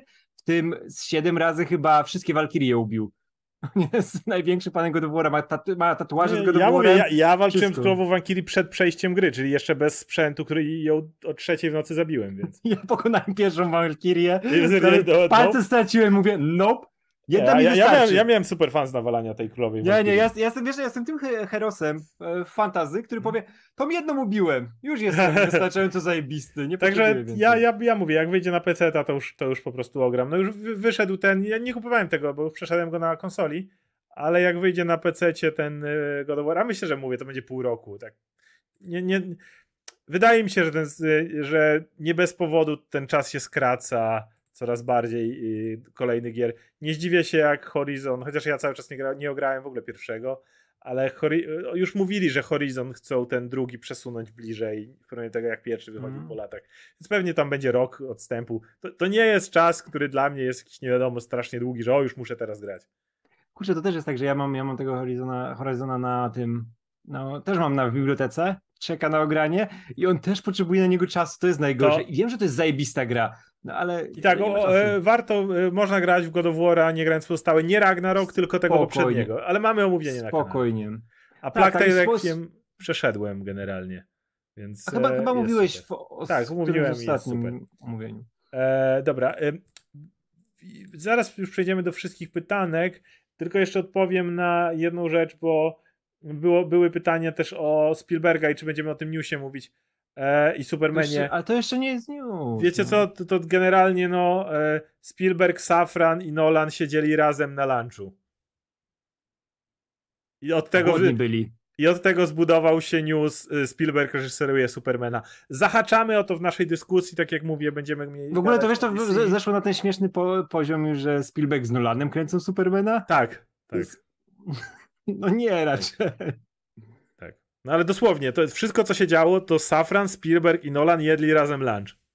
To jest, to jest, to jest cały się mogło, mogło się wiązać z każdym projektem, ze wszystkim. absolutnie nie? wszystkim. Z pracą producencką. Wiesz, to mogło nawet wiązać się z tym, słuchaj Nolan, e, wiem, że obraziłeś się na stare DC, bo Nolan zajebiście nienawidzi DC po tej akcji mm. ze streamingiem, ale jest już inna rzecz. Wiesz, Nolan może chciałbyś być... coś dla nas zrobić, Wiesz, nawet, nawet, nawet na poziomie, tak jak mówię, producenckim mogłoby to być, nie? Bo i Spielberg i Nolan są producentami, tak. nie? I zajmują się tym. Więc, więc mówię, news jest, panowie spotkali się na lunchu. Ciężko nam ekstrapolować cokolwiek z tego. Więc e, i jeszcze e, aha, odniosę się jeszcze ostatnio już przed pytaniami do, do motywu z Kawilem. Słuchajcie, ja nigdy nie powiedziałem, że to nie jest tak, że Kawil miał wywalone na jakość tego serialu. Żaden z nas tego nie powiedział. Obaj za to mówiliśmy, że Kawil jest profesjonalnym aktorem i prawdopodobnie zna, e, powód, dla którego mógłby odejść, to to, że miał lepsze oferty karierowe. Ergo, wydaje mi się, i dla jasności, nie mam nic na tego podparcie, ale nie ma tego, ale ludzie, którzy mówią, że odszedł, bo wiecie, bo tutaj kłócił się z twórcami, coś takiego, nie ma na ten temat żadnych artykułów, poza tym, że Kabil mówi, że lubi grę, jest bardzo lubi w nią tak, grać. I że, i że lubi, chce, żeby scenariusze były dobre. Żeby były dobre. Każdy chyba. Ale aktor, który mówi, że lubi swoją rolę, że jest fanem tej postaci, że chciałby, żeby była dobra, no co jeszcze jest nowe w Hollywood? Gdybyś, gdyby, dla jasności, jutro pojawił się na przykład na Deadline, albo Variety, albo Hollywood Reporter artykuł, gdzie ich konkretni insiderzy mówią, że Kawir od dawna kłócił się ze scenarzystami co do kierunku, w którą stronę to idzie. Nie mam pytań. Jakby to są sprawdzone źródła, tutaj konkretną rzecz podały i tak dalej. Pełna zgoda. Ale na tą chwilę tego nie ma. Więc na tą chwilę to, na co patrzę, to patrzę na to, co, jakie zwykle są trendy w Hollywood. A w Hollywood aktorzy odchodzą zwykle wtedy, kiedy mają lepsze perspektywy biznesowe. I ludzie podpinają, że na przykład o, bo już była plotka, że szukali nowego aktora po którymś tam sezonie. Po pierwsze, to jest plotka, a po drugie, nawet gdyby, to może dlatego, że zabezpieczali się na fakt, gdyby Kawil jednak chciał odejść, bo miał podpisany kontrakt tylko na trzy sezony. To dlaczego nie mieliby szukać e, e alternatywy, skoro aktor kończy mu się kontrakt, i, a, a jakby nagle aktor powiedział, że nie, no to byliby w dupie. Więc to oczywiste, że szukają. Więc tak jak mówię, no nigdy nie twierdzę, że Cavill był super zadowolony i popierał wszystko, co się dzieje w tym serialu, ale jednocześnie nie mogę siedzieć tu i bez żadnych konkretnych dowodów mówić no tak, o tym, to że nie, nie, nie to jest powód, dla którego odszedł. Tak, nie możemy tego sprowadzać tylko do tego, że Cavill jest wielkim fanem, coś mu się nie podobało i powiedział do widzenia, nie? Ilu aktorów było wielkich fa fanami różnych rzeczy, nie? Więc...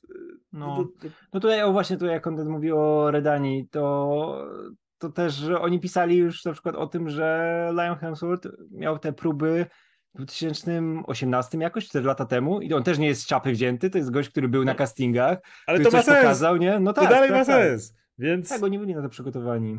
Więc mówię, w momencie, w którym e, mówię, nie, nie, może, za, może jutro czy pojutrze. Ja, ja, ja, ja jestem osobą, która chce y, mówić rzeczy, na które mam faktyczne dowody. Czy mam dowód na to, że tak nie było? Nie. Dlatego mówię, że gdyby jutro pojawił się artykuł, który powie to, ja nie będę miał żadnych tutaj ale, nie będę miał żadnych tutaj wątpliwości, nie będę mówił i tak dalej. Po prostu mówię, że na tą chwilę jedyne powody, dla których ludzie mówią o tym, to są takie, że Kawil wypowiadał się o tym, jak bardzo lubi tą postać. No to, dla to mnie to też... jest za mało, to tylko tak, o tym tak, tak. mówię. Tak. To też Adam że raczej Kawil podpisał co roku, skoro po pierwszym, drugim sezonie mógł sobie grę nie, nie, nie, nie, nie. Jest klauzula o renegocjowaniu wielu rzeczy, nawet kiedy podpisujesz na trzy Tak, tak, tak, no, no o, tym, o tym chciałem powiedzieć, nie? Ale to też nie było tak, że on podpisał od razu na siedem, nie? I jestem teraz tak. uwiązany... Więc mówię, to mogło być prawdą, po prostu ja na tą chwilę poza faktem, że aktor lubi rolę, a takiej było mu. Wiesz, aktorzy, którzy grali w Inhumans mówili, że, że, że, że super. No bo promowali film, serial, w którym grali. No come on. No, także to tyle. Um, nie wydaje mi się, że były jakieś mega wielkie newsy poza tym. O, I dziękujemy e, Michałowi Grzelakowi. Więc jeszcze sprawdzę pytanka. Ja uwielbiam, ja uwielbiam te ikonki, to takie schizowe zawsze. To tylko, tylko ten awokado, który ćwiczy. Kto wymyślił, kurde? Też powinien film o tym zrobić. Ale nie najgorzej, bo teraz jak o tym powiedziałem, to pewnie DreamWorks albo ci od Pixeli wyskoczą i, i, i zrobią. Okej, okay, mamy trochę pytanek. Tylko patrzę, czy były jakieś, które nadeszły pomiędzy. Na szczęście nie, bo nie byłoby kiedy w sumie. Eee... Ok, jest 22.53.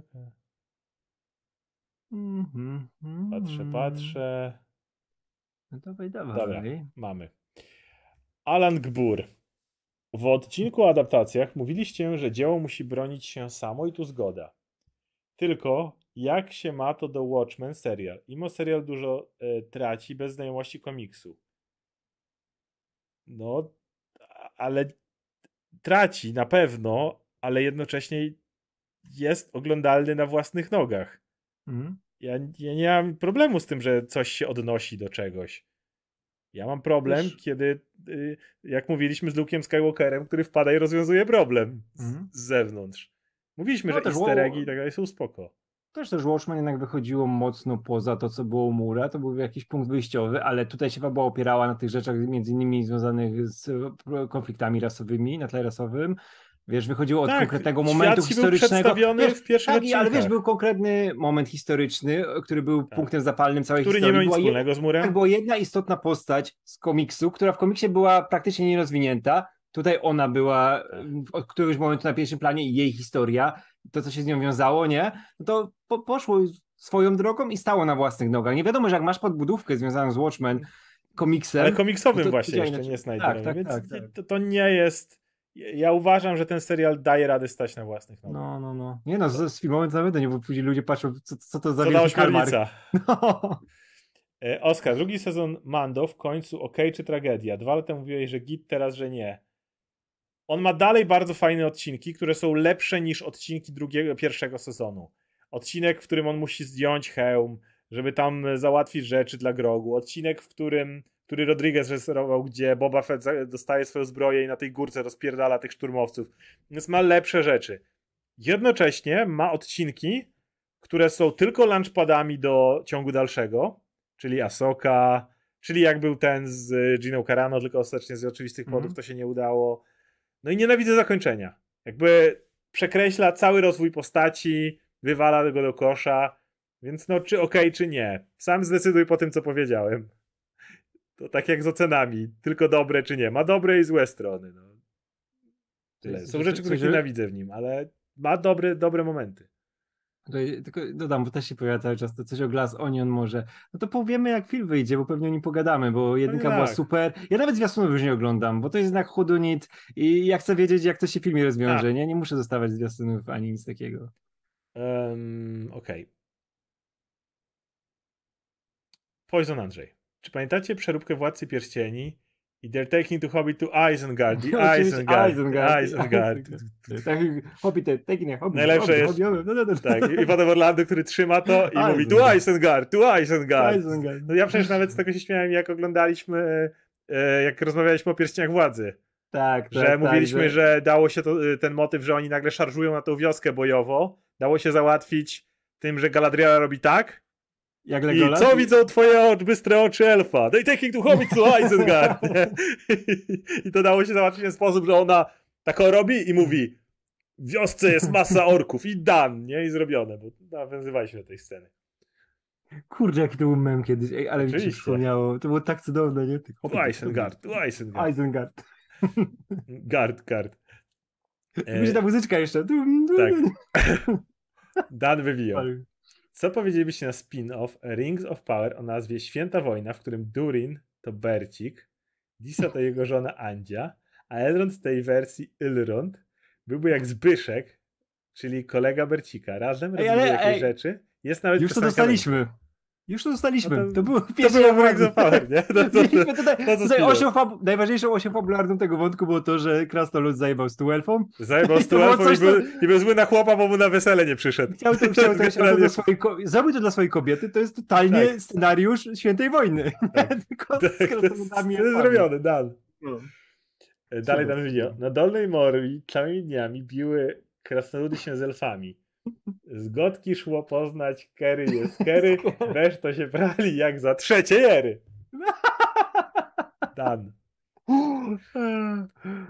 matko, Daniel Kaluja jako Spider-Punk w Spider-Verse 2. Super, super, super, super. Kaluja jest super aktorem, a... No, Kaluja jest super, Spider-Punk jest bardzo fajną postacią. Spider-Punk, tak, w ogóle to jest ten świat, w którym e, je, macie ten kor, korpo władza, w której masz Normana Osborna, ale generalnie korpo, e, kor, wszyscy korpomasterzy to symbionty, więc żeby z nimi walczyć, mm. trzeba ostrym pan, pankrokiem, mm, dźwięk. żeby dźwiękiem ich rozwalać. I najlepszym kumplem Spider-Punka jest Kapten Anarchia.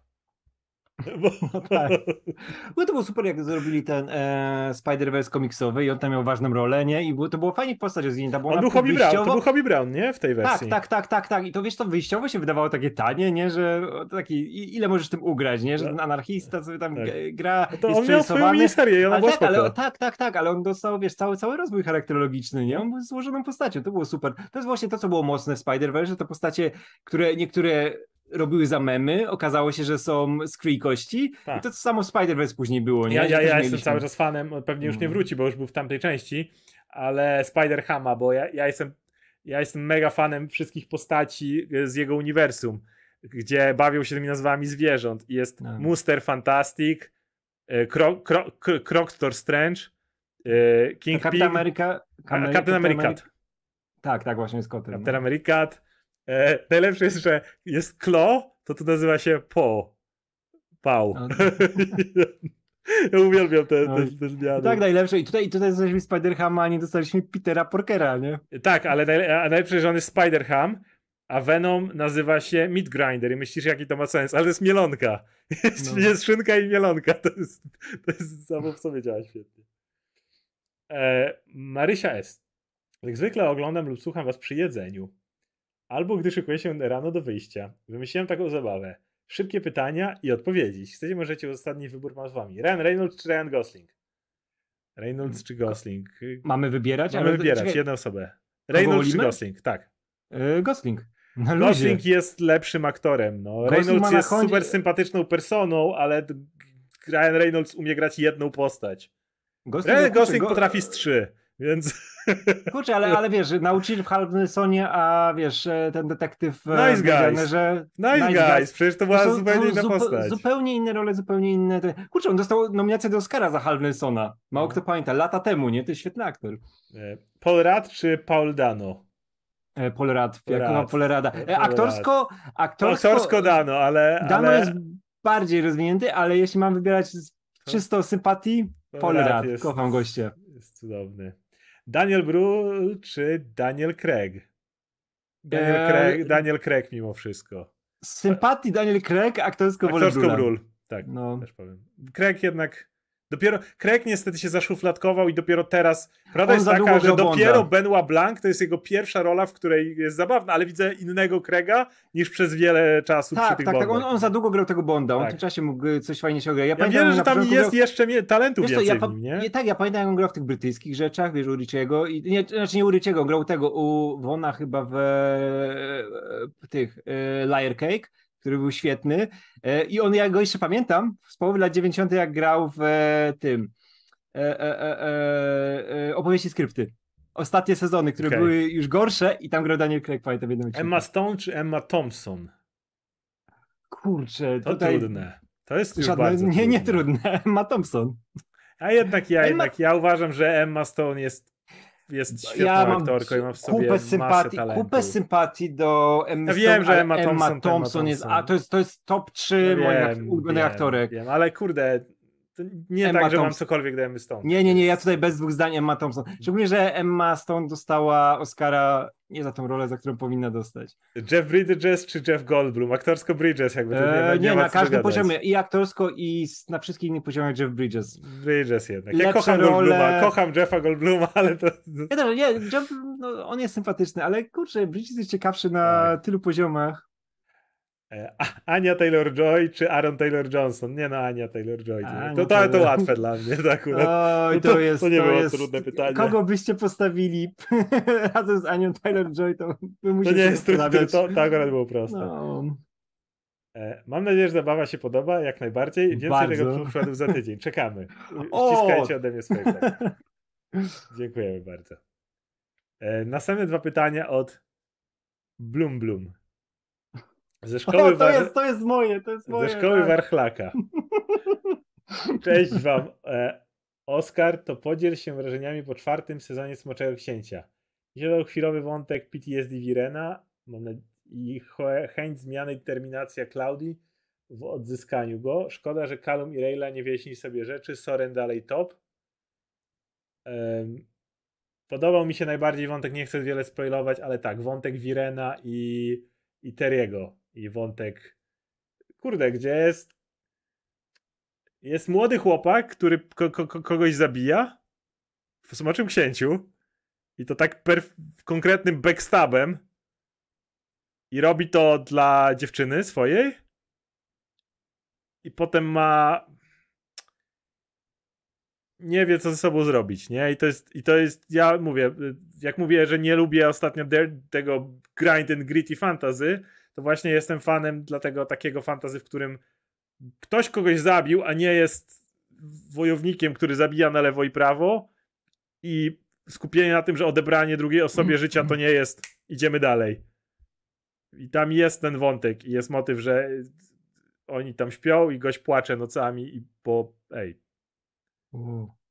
Kurczę, to wiesz co, ja tylko dodam, że o, bo nie było dzisiaj segmentu anime, ja jestem w Hunter x Hunter na tym etapie tego arku, który jest podobno najlepszym w historii, o którym ci już mówiłem, ja pierdolę, jak on mnie emocjonalnie zmasakrował. Tam się odpiedają takie rzeczy. To jest jedna z najbardziej przerażających adaptacji Aliena, wariacji na temat Aliena, jaką widziałem. To jest historia o... Punkt wyjściowy jest taki, że mamy wielką e, mrówkę, Chimera Ant, nie? Ona się nazywa, która zjadając różne formy życia, ona tam została zniszczona i były w kiepskim stanie i zaczęła zjadać różne formy życia i ona jak je je, to tworzy nowe, wiesz, ona się rozwija tam przez to, wiesz, że, że tam tworzy nowe, nowe życie, ale przejmuje pewne cechy jej dzieci, tych istot, które zje, nie? Czyli jak zjadła człowieka, to ma taką, wiesz, yy, połączenie tej mrówki, wiesz, hitydowy pancerz, takie rzeczy z człowiekiem, który tam zatrzymuje okay. też jakieś wspomnienia tego człowieka, nie? Wow, i to jest emocjonalnie na poziomie tego, wiesz, jakie jest prawo do życia niektórych istot, nie na ile sobie mogą pozwolić, i mówię, tam masz jakieś śmierci dzieci, ludzi mordowanych, ona potrzebuje dziennie do pożywienia jej armia, która się wzrasta, musi jej najpierw tam dostarczać 50 osób, później 100, ona ich wpierdala cały czas, to jest tak przerażające, tam giną postacie, którym ja byłem, w ogóle, które były w pierwszych arkach, które były gdzieś tam nawet w tle, nie? Tutaj nagle giną jakąś straszną... Nie jest coś, czego teraz potrzebuję. No, ale ja jestem, ja, tak mi się to ciężko ogląda, ale to jest dobrze napisane, nie? I przerażające. Wow, polecam, polecam każdemu. I tutaj e, w tym TV i tak Soren dalej top. Aczkolwiek najfajniejszy wątek w tym sezonie to jest wątek Amai, E, to jest dla osób, które nie znają Sprzego Księcia, bohaterowie mają ciotkę, która jest niesłysząca i jest takim uber badasem, wojowniczką. Ja mam do niej wielką słabość, bo wiesz co, jaka jest jej broń? Znaczy, jaka jest główna rzecz? Ogromna tarcza, z której ubiega. E, więc, e, ale to jest według mnie najlepiej zrobiony wątek takiej reprezentacji, jaki widziałem. Bo od pierwszego sezonu, jakiego poznajemy, ona ma swojego przybocznego, który jest jej tłumaczem. Swoją drogą spoko gość bardzo. I, i, i wiesz, jest postać, która ma niepełnosprawność, koło której jest ten tłumacz i on jest tak naturalnym elementem, który z nią e, który z nią jeździ. Ona nie może mówić, jesteś pewien? Z tego ja, mi się wydaje, że ona jest niesłysząca. Że, że nie słyszy też. W każdym razie masz tego tłumacza, bo język migowy jest ważny. I ja oglądam to i dla mnie projekt to jest naturalne, że ona cokolwiek pokazuje i koło nie jest gość i non-stop to mówi. I jak o, ktoś inny coś mówi, to on jej pokazuje. I to jest totalnie seamless. Nikt się nad tym nie, nikt na to nie zwraca uwagi, nikt tego nie rozpatruje, nikt nie robi z tego wielkiej dramy. W ogóle Smoczek Książę pod względem jest super, bo tak samo do wątków homoseksualnych tam się podchodzi, do wszystkich rzeczy, one są częścią tego świata. Właśnie, właśnie, ona jest niesłysząca, czyta z dokładnie te, te, te, tak jak Konrad pisze. Właśnie byłem pewien, że ona jest niesłysząca i jak ktoś mówi i mówi do niej twarzą, to ten gość nic nie robi, a jak ktoś mówi, odwraca się do niej tyłem i mówi, to natychmiast tłumacz zaczyna jej pokazywać. I jestem tak pod wrażeniem tego, jak oni do tego podchodzą tak płynnie. Fantastyczne. Eee, I dalej od Blum Blum ze szkoły Warchlaka. Oskar, widziałeś ostatni sezon Last Kingdom? Tak. Według mnie zachowana zasada każdego następnego lepszego sezonu, a sam finał jest jednym z najpiękniejszych końców historii. E, Radku musisz obejrzeć nawet bardziej niż Cobra Kai, ale to też. Czy ty książki czytałeś, nie? E, e, tak, tak, tak, tak, Cornwella, tak, tak, tak, tak, tak, tak, tak. Podobał mi się ostatnio. Ja nie, ja, nie przeczytałem, ja nie przeczytałem całej, całej, całej serii, oczywiście nie przeczytałem, bo ona ma 150 części, nie? Ale tyle, ile mi się podobało, bo ja jestem wielkim fanem trylogii arturiańskiej, którą polecam w każdym miejscu. Mm. mogę wspomnieć o Cornwellu i o tym, jakie ja lubię fantazy, tylko tu jest takie fantazy, że są jakieś druickie, wiadomo. Ono jest tak, ono jest takie tak, bardzo, tak, być może, być może nie... Tak, tak, tak, że ono jest raczej uwarunkowane narkotykami, a nie, no. nie prawdziwą magią i tymi jazdami tak po haju. Tak, ale to, to jest super. Ja polecam trylogię arturiańską. Wszystko Cornwella łapcie, bo to jest. W ogóle. Ale, ale podobał mi się ostatni sezon. Tak, jest naprawdę fajnie dopięty. Cały czas chyba jeszcze ma być film, który jest kontynuacją Last Kingdom. Tak, tak, tak. Mają to podsumować. Ja czekam. Jest bardzo dobrze zrealizowany ten serial. E, Poison Andrzej, co sądzicie o piosence Sala Persze czy Perkę e, Tiamo E, Jezu. Ti amo, ale to ty solo. Confusion, Sara, no. Ti amo, en... piano, piano. Często grają tę piosenkę na stadionie San Siro. Okej, okay, czy ja bym tego nie kojarzył? Czekaj, San Powiedz nam, że podaje zawsze takie piosenki, których nie da się nie kojarzyć. A, a tej Sary, Sary Perch? Ona tak, tak, tak? Perk. No to tak, to, to piękna rzecz. Szczególnie jak Inter przegrywa. Okej, okay, no to ja nie jestem pił piłkonożny, więc może dlatego. A, powinieneś. Nie. O, teraz sobie słucham, no. Um, następne. P. Barczyk. Radku, rzucam ci wyzwanie. Na śmierć. Bijecie się. Nie. Jeśli obejrzysz całości Cobra Kai do końca miesiąca i do końca miesiąca to dam drugą szansę JoJo i obejrzę wybraną przez ciebie serię. Do tego czasu JoJo to gówno. Obejrzałem kilka odcinków Stone Ocean. Jak dla mnie to kompletne dno i kilometry mgłu. Nie, ja nie, nie pertraktuję z terrorystami.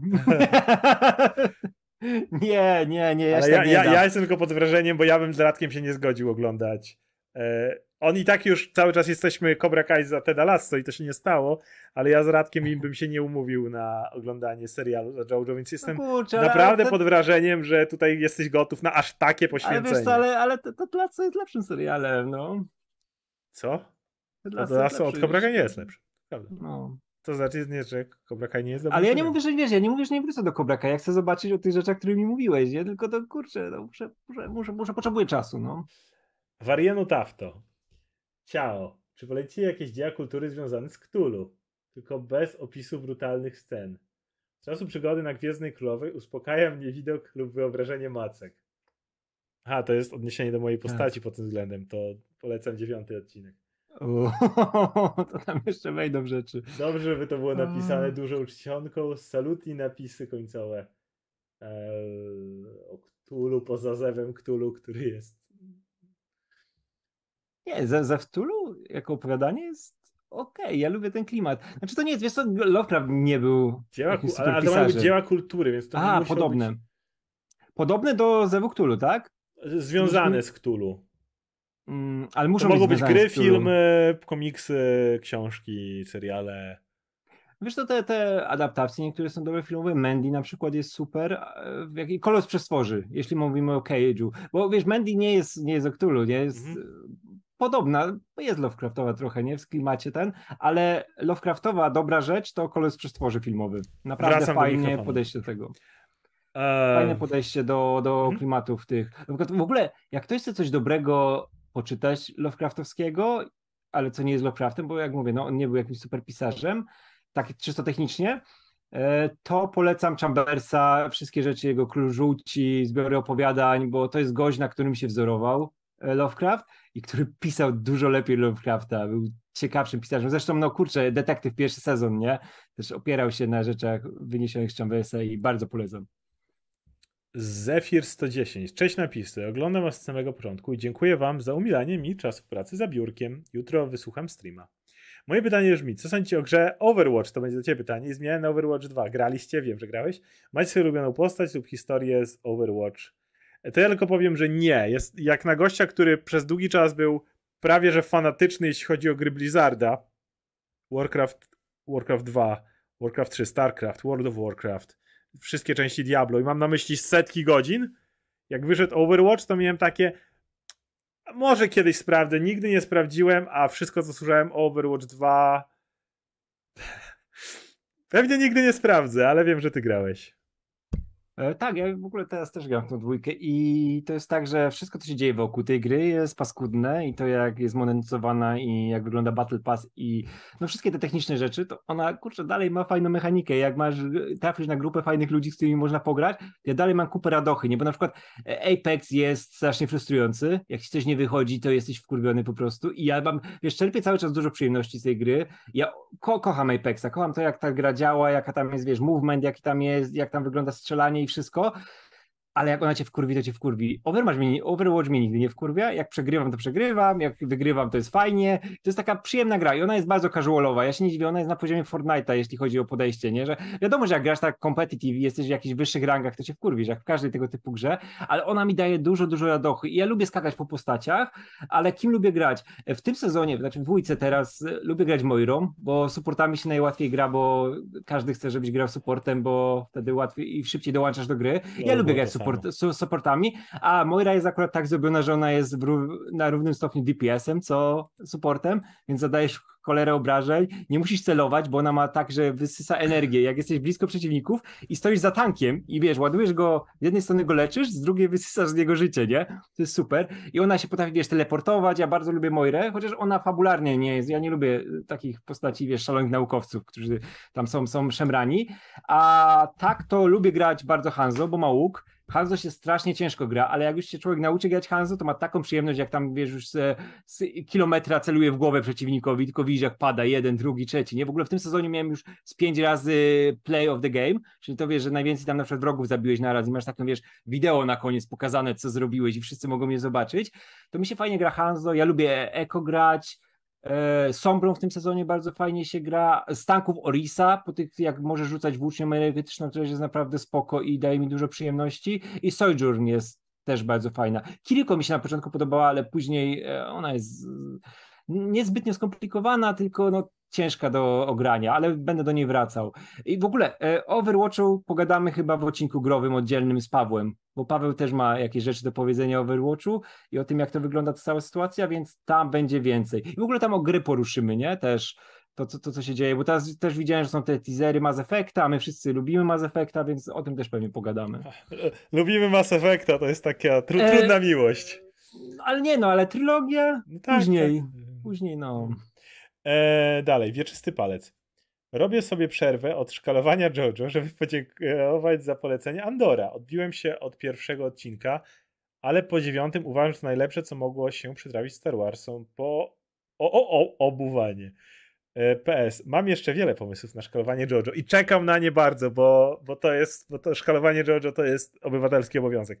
Natomiast e, jeśli chodzi o Andora, to będzie w tym tygodniu podsumowanie, bo jutro jest trzeci do kompletu odcinek. Ja cały czas nie widziałem dwóch ostatnich, więc proszę bez spoilerów bo oglądamy po trzy i będziemy omawiać. Andor to jest, jak patrzymy na wyświetlenia na naszym kanale, to jest tak, mamy takie wyświetlenia, naprawdę zajebiście przyrastają. Jesteśmy super zadowoleni z tego, że napisy końcowe mają coraz lepsze wyświetlenia, coraz więcej ludzi nas ogląda. Teraz na live jest, jest, jesteśmy cały czas po 22, jest 516 osób stale oglądających nas o takiej godzinie.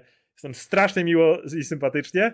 I no, wtedy nagle nagrywamy materiał o, o Andorze i jest takie i stwierdzamy, to dla nas.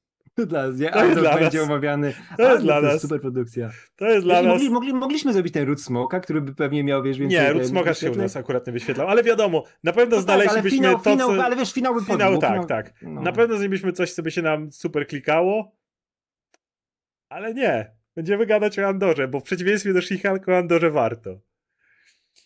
Um... Okej, okay, następne pytanie Mam wątpliwości, ale jest podpisany Radek Mistrz Seller. Więc Rings of Power to dobry serial. Hejtują go rasiści, bo im się nie podoba, że mamy w uniwersum coś nowego. No nie ma lepszego serialu fantazy teraz. Andor zaś jest nudny, powtarzalny, seksistowski i homofobiczny. Jest wiele postaci bardziej zasługujących na serial. To jest, prawie się udało Sele. Sele by tu do, docisnął jeszcze. Bo ja, by coś o niepełnosprawnych by było. Tak, powinny, powinny być no, dużo postaci niepełnosprawnych i ten... Ja jest, to, to potrzebna bardzo reprezentacja, nie? Ale to w jaki Seller sposób to opisuje, no to... dokładnie, jest... jakby ja, mówię, mówiłem przed chwilą o Amai i o osobie niesłyszącej. Ta osoba jest mhm. zajebistym badasem i swoją niepełnosprawność nie ma super zmysłów jak Daredevil czy, czy ktoś taki, tylko ma super tłumacza który jest. A wiesz, a walczy świetnie. To jest według mnie super pokazana niepełnosprawność. A, a to, co czytam od Sellera, często było na zasadzie nie, bo jest niepełnosprawna, więc nie powinna sobie radzić. Jakby generalnie miałem wrażenie zawsze, że ta osoba pisze o osobach niepełnosprawnych, że dobra reprezentacja to taka, która nie daje rady. Daredevil byłby fajną reprezentacją osób niewidzących, gdyby potykał się i upadał, czy coś takiego. Jakby ja siedzę i tak, co? chyba, chyba właśnie o to chodzi w fajnej reprezentacji osób niepełnosprawnych, żeby dać element, w którym ta osoba świetnie sobie radzi w inny sposób niż taki, w którym gdyby była pełnosprawna, nie? Mhm. To jest, wydaje mi się, super idea. Um, I mamy od e, wspierającego czterech miesięcy kawał e, e, Łukasza Stąporka, kawał świetnej roboty. Chłopaki, dzięki. Jest nam bardzo miło. Dzięki wielkie. Możemy no, da, da, da, dalej działać. Mr. Boy Scout, w jaki sposób byście złapali Roadrunnera? Ja bym pomógł Kojotowi, na 100% bym pomógł Kojotowi, bo mi zawsze było szkoda Kojota. E, ale jakim sposób byśmy go złapali? E, w Family Guy'u był taki odcinek, że on go samochodem przejechał po prostu. To jedziesz. W ogóle. Wiesz co? E, jak, jak w. W tym. Jest. Deceased Superman dorwał Flasha. Z drugiej strony. Pamiętasz? Jak zombie Flasha Superman dogonił? Tak, tak, tak, tak, tak, tak. Wow, o matko, to było fantastyczne. To, to, to tak. No. Jakby ktoś nie wiedział, był zombie Flash, który biegał i przemieniał wszystkich na planecie w zombie i w pewnym momencie rozbiegł się i biegł po oceanie. I Superman miał go rozwalić. E, zapytał na pewno, czy nie ma lekarstwa, potem się okazało, że było niestety, ale na tą chwilę uważali, że nie da się mhm. uleczyć, więc z jego perspektywy to już był martwy Bary i powiedział, że musi się nim zająć. Mu, jest... I wszyscy zapytali, jak ma dogonić Superman Flasha. Więc Superman zrobił najprostszą rzecz na świecie nadleciał z drugiej strony. Tak, tak, I, tak. I, i się nie zatrzymywał. I Flash, wiecie, e, Flash nie jest niezatrzymywalną siłą, a Superman jest w tym wypadku nieruchomym tak. obiektem. Więc to się stało, kiedy Flash z pełną prędkością wbiegł w Supermana. w ogóle lubię tę historię, która kiedyś była i ja, ja, w ogóle wolę to, jak Flash jest szybszy, nie? Że to jest jedna... Flash jest Absolutnie, to nie, nie, nigdy nie powinno być żadnych wątpliwości. Tak, ja nigdy nie lubiłem tych wyścigów. Nie, ja Flash nie. powinien być zawsze szybszy od Supermana, ma, bo to jest, to jest jego jedna moc, rzecz. Nie? A Superman jest zbyt overpowered. Tak. On już jest overpowered. Nie, to, to, to nawet nie powinno być blisko. Ale ja pamiętam kiedyś, pamiętam kiedyś tą historię, gdzie było, że mieli ktoś ten wyścig i że Superman musiał wygrać, bo tam dla jakiegoś dziecka czy coś. I Superman wtedy pokazał, nie, że on to jednak zawsze się tam trochę blokował, jak tak. mieli te wyścigi, żeby ten, ale jak trzeba było zapierdalać, to Flasha wyprzedził, ten go nawet nie tak, widział. Tak, ale ja tego nie lubię. Nie, ja tego Dla mnie Flash lubię, musi nie? być dużo szybszy, bo inaczej to odbieram, bo to jedyną rzecz. No, no, no. Więc e, jedziemy dalej. W Barowi Ej, czekaj, czekaj, jedna, jedna rzecz, a, bo tutaj Szymon, a dobra, to zgrywa z jakiegoś typa, myślałem, że komentarze na serio, to każdy selera tak komentarz, każdy myśli, że to jest zgrywa to, co on pisze, a to nie jest zgrywa, seler tak na serio, no. W parowi świecie barowiańskiej sprawy, marne życie i zabawy. Są codzienne awantury, nie ma dnia bez ostrej rury. Strat, strat biega na bosaka, jest zadyma i jest draka. Nikt nikomu nie tłumaczy, by spróbować żyć inaczej. Pa, pa, pa, pa, pa, pa. To jest właśnie barowi świat. Pa, pa, pa, pa, pa. Koniec tipa. Piękne. Ej, czekaj, ej, jeszcze tylko Katy Langley napisała, Radek, jak obejrzysz Cobra Kai, to zrobię ci koszulkę z Legionem. Siadam do Legii, siadam do, znaczy do Legiona, a mogę do, Legiona Do Legiona to wiesz. siadam do Cobra Kai, ej, trzymam za słowo. to jest, widzisz, widzisz? Tak się ogląda Cobra Kai. Że jeszcze jak będzie kolejny sezon, to pogadamy. Ale jak się okaże, że zobaczyłem Cobra Kai, nie będę miał koszulki. Następne, jak zwykle, win bezołowiowa. Napisy końcowe. You're breathtaking. You're breathtaking. o, tak. Piękny. W ogóle to e, Keanu wraca w tym dodatku nowym do Cyberpunku. Tak, tak, tak. więc... No, a proszę cię, no, co oni mieli zrobić? Nic. E, Dan Schrott. Parę pytań do Oscara o Dragon Prince'a znowu. Jeden. Jak ci się podoba przedstawienie systemu magii, jej koszt itp.? Spoko. To jest, to jest to, co lubię. Idea jest tam taka, że ludzie nie mają dostępu do magii. Jedyny sposób, żeby czarować, to kiedy mają, używają czarnej magii, która wysysa życie z istot. Więc na przykład, jak chcesz mieć na chwilę skrzydła sobie zrobić, to masz mote, motylka i musisz tego motylka zgnieść i wiesz, i zabić go i mm. mieć w jego, i wtedy ci wyrasną na chwilę motyle skrzydła, jeśli, skrzydła, jeśli chcesz. Jeżeli chcesz mieć jakąś tam magię wiatru, czegoś, to musisz zabić istotę, która się tym włada. To mogą być jakieś stworzonka niewielkie, ale musisz je zabijać, żeby to mieć, natomiast elfy mają dostęp do magii żywiołów. Po prostu czerpiąc je z żywiołów. I potem dochodzą do różnych rzeczy, które się to jakoś tam zmieniają. Zawsze to, to ja nie lubię nigdy tego fantazy, gdzie magia nie jest, znaczy nic za nią nie idzie większego, że nie ma żadnej wieży, nie musisz tego poświęcić, żeby tego używać. To tutaj, a, o, ale tutaj w dużej mierze o to jest konflikt, bo ludzie się czują jak yy, istoty tak, drugiej kategorii. Nie, no ale wiesz, to, to jest super, bo to ci wzmacnia problematykę. Ja miałem ten problem u Tolkiena, że tam każdy, wiesz, tutaj rzucą czary, jest tu Gandalf biały, nie? Ja wiem, że tak, to jest high fantasy, nie? To tak czasami działa, ale wiesz to na przykład e, Full Metal Alchemist, nie? Gdzie tam jak mogłeś coś robić, to zawsze musiałeś coś poświęcić, wiesz, równowartość tego, nie? Że nie Czy tutaj jest tak, że alchemia, nie? główny bohater, jeden z głównych bohaterów, w sensie się uczy używać magii po elficku, ale to on jest jedyny, znaczy nie, nie jedyny w ogóle w historii, ale obecnie jedyny żyjący, który to umie. Cała reszta musi, jeżeli chce używać magii, to musi zabijać. Mhm. Um, drugie. Czy nie chciałeś wersji PG-13, żeby chociaż trochę mogli ponapieprzać? Nie, nie potrzebuję tego. Jakby w tym, w tym serialu jest motyw, że ktoś komuś robi backstaba mieczem przez plecy. Widzisz, jak miecz przejeżdża na wylot i on pada na ziemię. Jakby nie potrzebuje, żeby nagle krew bryzgnęła, czy coś takiego. Gość jest przebity tym mieczem, pada na ziemię, jest super jak on to jest mag wiatru, więc ostatnimi siłami wdrapuje się na szczyt i używa swojego ostatniego tchnienia, żeby rzucić czar. Ostatniego powietrza, które ma w sobie, nie? Mhm. To jest, no, jakby czy gdyby nagle mu, mu, głowa eksplodowała w tym momencie, byłoby lepiej? No, nie, no. To nie przeszkadza w tym, żeby kogoś zabić. E, trzy, czy nie przeszkadza ci naiwne przesłanie? Nie, Oskarowi nigdy nie przeszkadza naiwne ale, przesłanie. Ale które naiwne przesłanie? Tak nie do, nie do końca wiem, o którym mowa. Jakby, bo jeśli mam mówić o naiwnym przesłaniu, to ej, jestem fanem komiksów superbohaterskich. Jakby...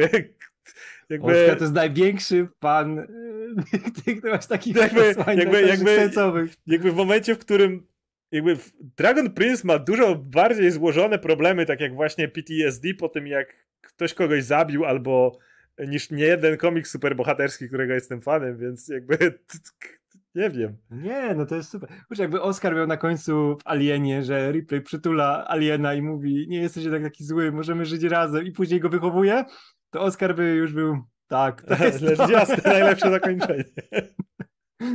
tak. E, Siła miłości. Jak się no, podobał czwarty, czwarty sezon? Podobał. Podobał. Mia, miał swoje...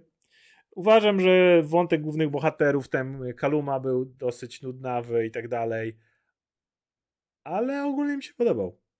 E, najlepsza część to był zdecydowanie. Soren zawsze jest najlepszy, a tak to, to, to Viren i jego z kolei. To jest chłop, który spadł w przepaść, wrócił do życia, teraz żyje krótko i ma teraz y, zajebisty lęk wysokości, co ma sens.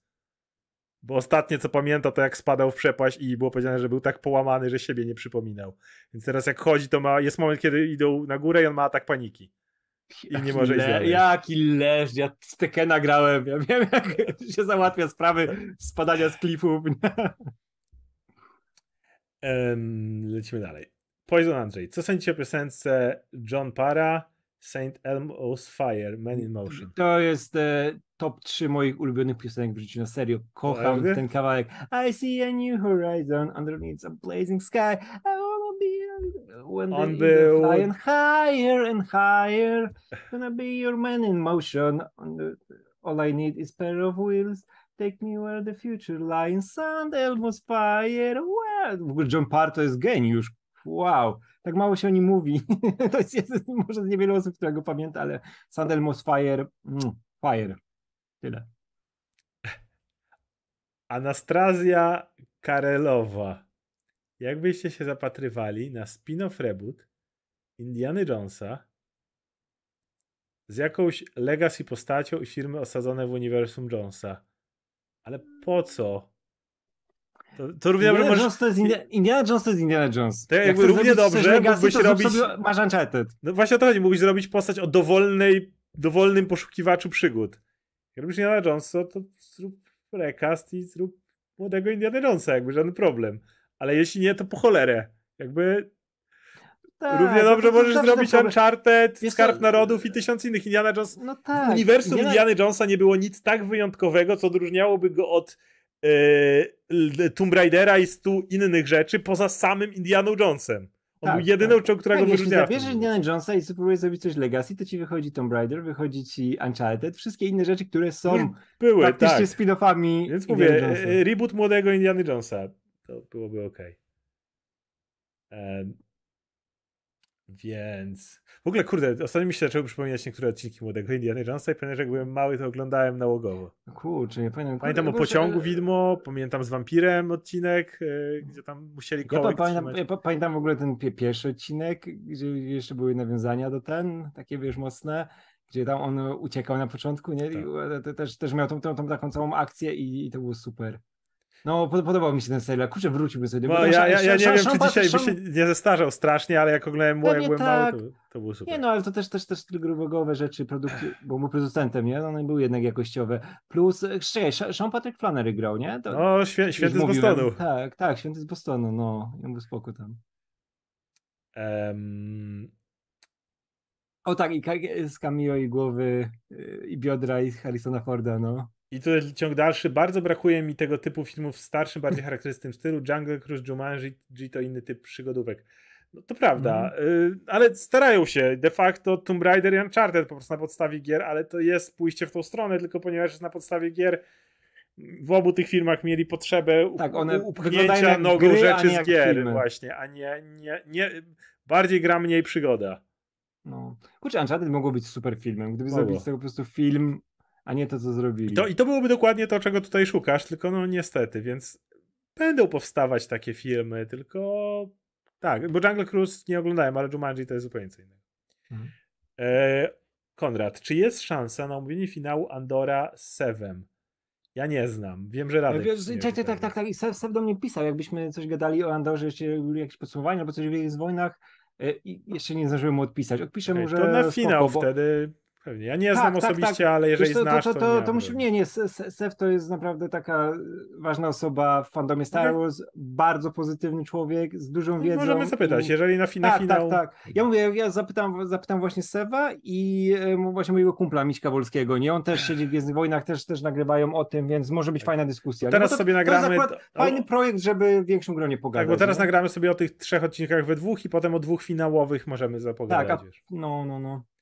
E, Doradka, co uważasz o Tales of Jedi? O ile odcinki a... Nie widziałem jeszcze. O ile odcinki Asoki takie mech, to z duku, to złoto. Ja też nie widziałem. Jeszcze nie, leży gdzieś. Ja jestem przebodźcowany tymi Gwiezdnymi Wojnami, za dużo tego było i jedyne jakie teraz przyswajam to jest Andor.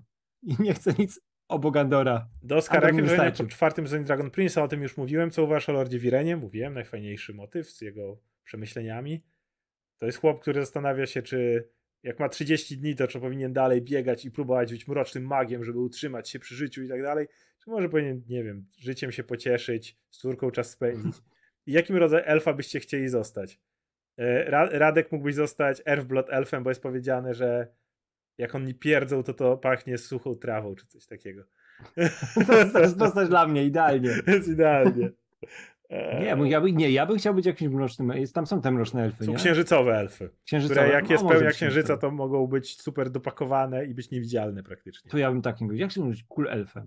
Nie, tak, nie takim, takim e, tolkienowskim elfem. Są takim... słoneczne, które się y, z ogniem są bardzo związane. Wietrzne. Nie, ogniem nie, ogniem to chujowo. Wiecznym. O! One... Wszystkie rasy związane z wiatrem są zajebiste. To, to właśnie jest... Nie, że puszczają wiatry, bo ktoś pomyśli, to nie, on nie poszedł. Jest właśnie nie. tutaj ten mag, który ostatnim tchem swoim, to jest mag wiatru. Nie, nie, on używa magii swojego własnego oddechu, żeby wysłać. Ty, w, ogóle, w ogóle jak zawsze były te... Jakieś... A sorry, ziemią po deszczu pachnął bąki e, A, okay. tych. Nie, te ziemią nie. Mama mi zawsze lubiła ten sok z buraka, na wszystko, jak żeby zdrowie, to sok z buraka i on zawsze jebał ziemią. Ale tak, e, elfy powietrza są spoko, bo one potrafią czarami zmieniać swoje ręce w skrzydła i latać. Tutaj Michel napisał Nocne Elfy z WoWa. Moja jedyna przygoda z WoWem w życiu, jak kumpel kiedyś grał w WoWa Bo i sobie konto. Mówiłem ci o tym? Tak. Że zrobiłem rocznego elfa jedyne co robiłem, to robiłem fikołki, Potem... bo to było zajebiste. Stałem w mieście i jak ktoś mnie chciał atakować, ja wkurwiałem ludzi i wołałem kumpla, żeby z nimi walczył, bo on był super silny. ja byłem takim bully, że masakra w każdą grę. E, I oczywiście obowiązkowy tip Zack Snyder. O, wy nie podpisywać umowy z Kevin No tak, zapomniałem, że to już jest. O, dawaj, jest... dawaj, bo ja nie słyszałem. Y, wy nie, wy nie podpisać rozmowy z Kevin Feige. Bo pamiętasz, że Kevin Feige się zgłaszał. Ja poświęcić dużo czasu, by wytłumaczyć wam przesłanie mojej firmy. Mam nadzieję, że wy mnie nie zawieść. W przyszły rok ja kupić Warner Bros. od Zaslav. Będziemy robić więcej ambitne filmy. Mój agent już do was lecieć z umowa. Kupimy ładny Bros. A to jest takie, już wiesz, motyw, nie kupować od, od, od. Kevin Feige widzę, że napisał później, więc dojdziemy do tego. Ale najpierw Zdzisław Obwoluta. Dobry wieczór. Panowie redaktorzy oraz sobie na czacie. Dobry wieczór lub dzień dobry wszystkim oglądającym niniejszą transmisję z odtworzenia. Zdaję pytanie. Czy jako człowiek słaby kształcony mogę czytać książki? A, no, no, wiadomo kogo? Pani Tokarczuk? Po wypowiedziach pani. Spróbuj, jak nie, jak nie umrzesz, to będzie dobrze. Nie, nie wiem, co tam się może ja stać. Ja mam wyższe niepełne, więc nie zabieram się. Ja mam tylko no... licencję od dziennikarstwa, więc. Nie, no ja, ja mam. Ja mam wyższe, ale nie, no więc nie wiem. Nie może wiem, być mógł. I, i żyje, nie? Więc nie wiem, uważaj może. Nie, ale nie, takie wypowiedzi. Każdy ja pamiętam, co wypowiedź chce. była chujowa. No. Każdy niech czyta, co chce, nie? Kurczę, nawet jak wiesz, kształcenie się nic nie robi, nie? Jak masz e, pewne podejście konkretne i coś cię interesuje, no to zrozumiesz to i załapiesz, co, co tam Oczywiście. chodzi, wiesz... A, takie ustawianie. Następne pytanie zdaje nam zła gwiazda Gibeth. Radku, czy Lord jest największą artystką pop ostatniej dekady? Tak, tak. Y, Lord jest moją ulubioną wokalistką. Stuprocentowo, uwielbiam ją. No. I teraz oczywiście Kevin Feige. Wy nie podpisywać umowa z Zach. Moja oferta być lepsza. Ja wiedzieć, że czwarta faza nie wyjść najlepiej. Ale jak wy mi pomóc naprawić MCU, my razem robić lepsze filmy. Wy mi pomóc też napisać film o Fantastic Four i Blade. Serial z nowa. wprowadzić mutanci do MCU. Ja dać wam lepsza rola niż Zack. Wy zagrać w nowe filmy X-Men. Pan Pisula zagrać... Okej, okay, zaczyna się.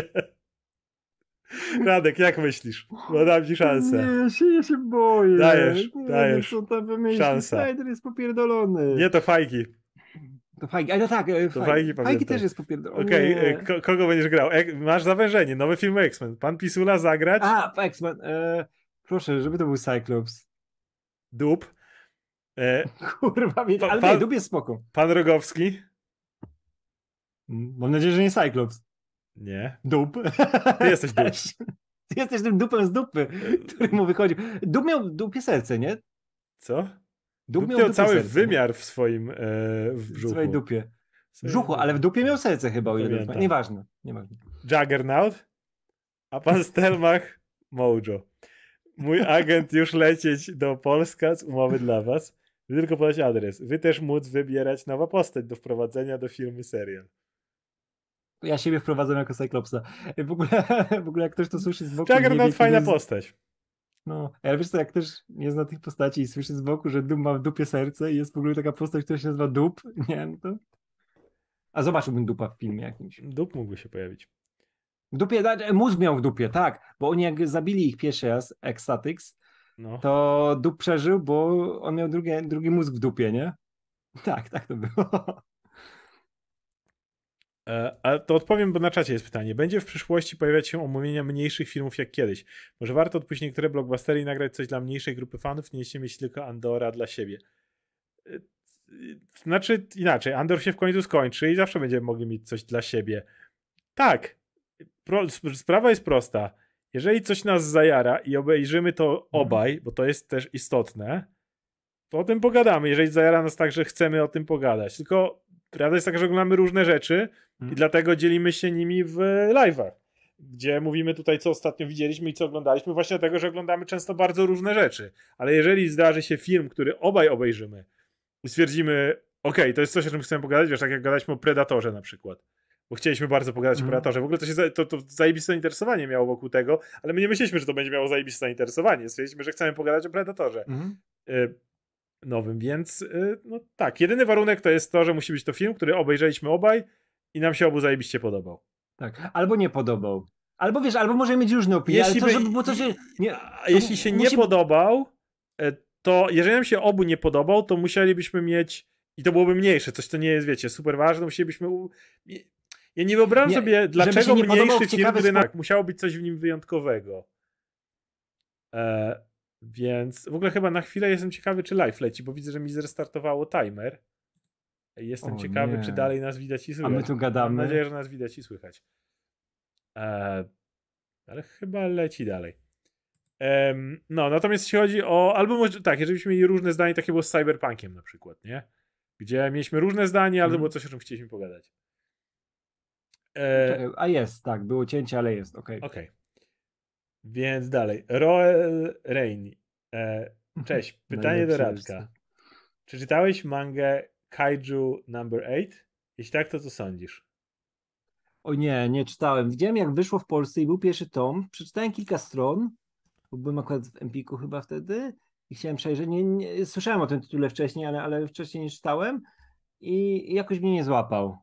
Kurczę, może, może kiedyś wrócę, ale na razie nie mam na liście, żeby, żeby wracać. Pytanie do Oskara, choć ty też możesz na to odpowiedzieć, bo co sądzisz o arku z Granola z mangi Dragon Ball Super? Bardzo fajny był. Bardzo. Gadaliśmy o tym Gadaliśmy. na boku gdzieś. Bardzo mi się mhm. podobał. To jest fajne rozwijanie postaci dalej, po, tak. wiesz, po latach. Z postaciami z Dragon Balla mógł być ten problem z postaciami z komiksów. Masz postacie, które istnieją już kilkadziesiąt lat i jak dalej mają się rozwijać, ale to właśnie jest dobry przykład.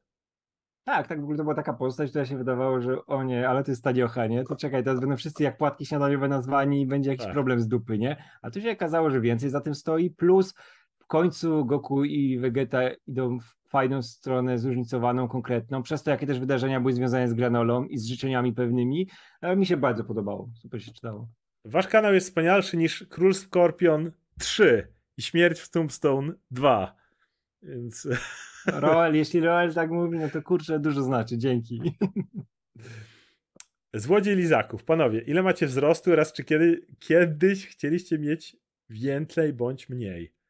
Ja mam jakieś 1,82 m i jestem jestem zadowolony ze swojego wzrostu. Więcej to czasami myślisz, że możesz mieć już, nie wiem, czasami myślisz mało miejsca na nogi, czy coś takiego. No, ja, ja, ja, tak mam, ja mam 1,88 m i czasami w pociągu, w autobusie no, to, to jest tak masakra. A, a, mniej to nie sięgniesz po rzecz na, na lodówce albo na wyższej półce. Więc no, ja, mój, jest... ja, mój, ja lubię mój wzrost. Jest spoko. Um, Linda Balista. Pytanie do Radka. Czy Brendan Fraser jest pięknym człowiekiem? A może był? Trochę w życiu przeszedł. Dalej jest. Brendan Fraser to jest cudowny człowiek. I ja się tak cieszę, że on z tym wielorybem wrócił z Aronowskim wspólnie Oczywiście. i że ma ten znowu moment dla siebie. I tak mi było smutno po tej Badger, jak mu skasowali, no. bo to była rola, którą mógł no. fajnie wrócić i wiem, że on by ją zagrał cudownie, bo ja się wychowałem na tym umie. Wiesz, gadamy chwilę o skasowaniu Badger w rozmowie jutrzejszej.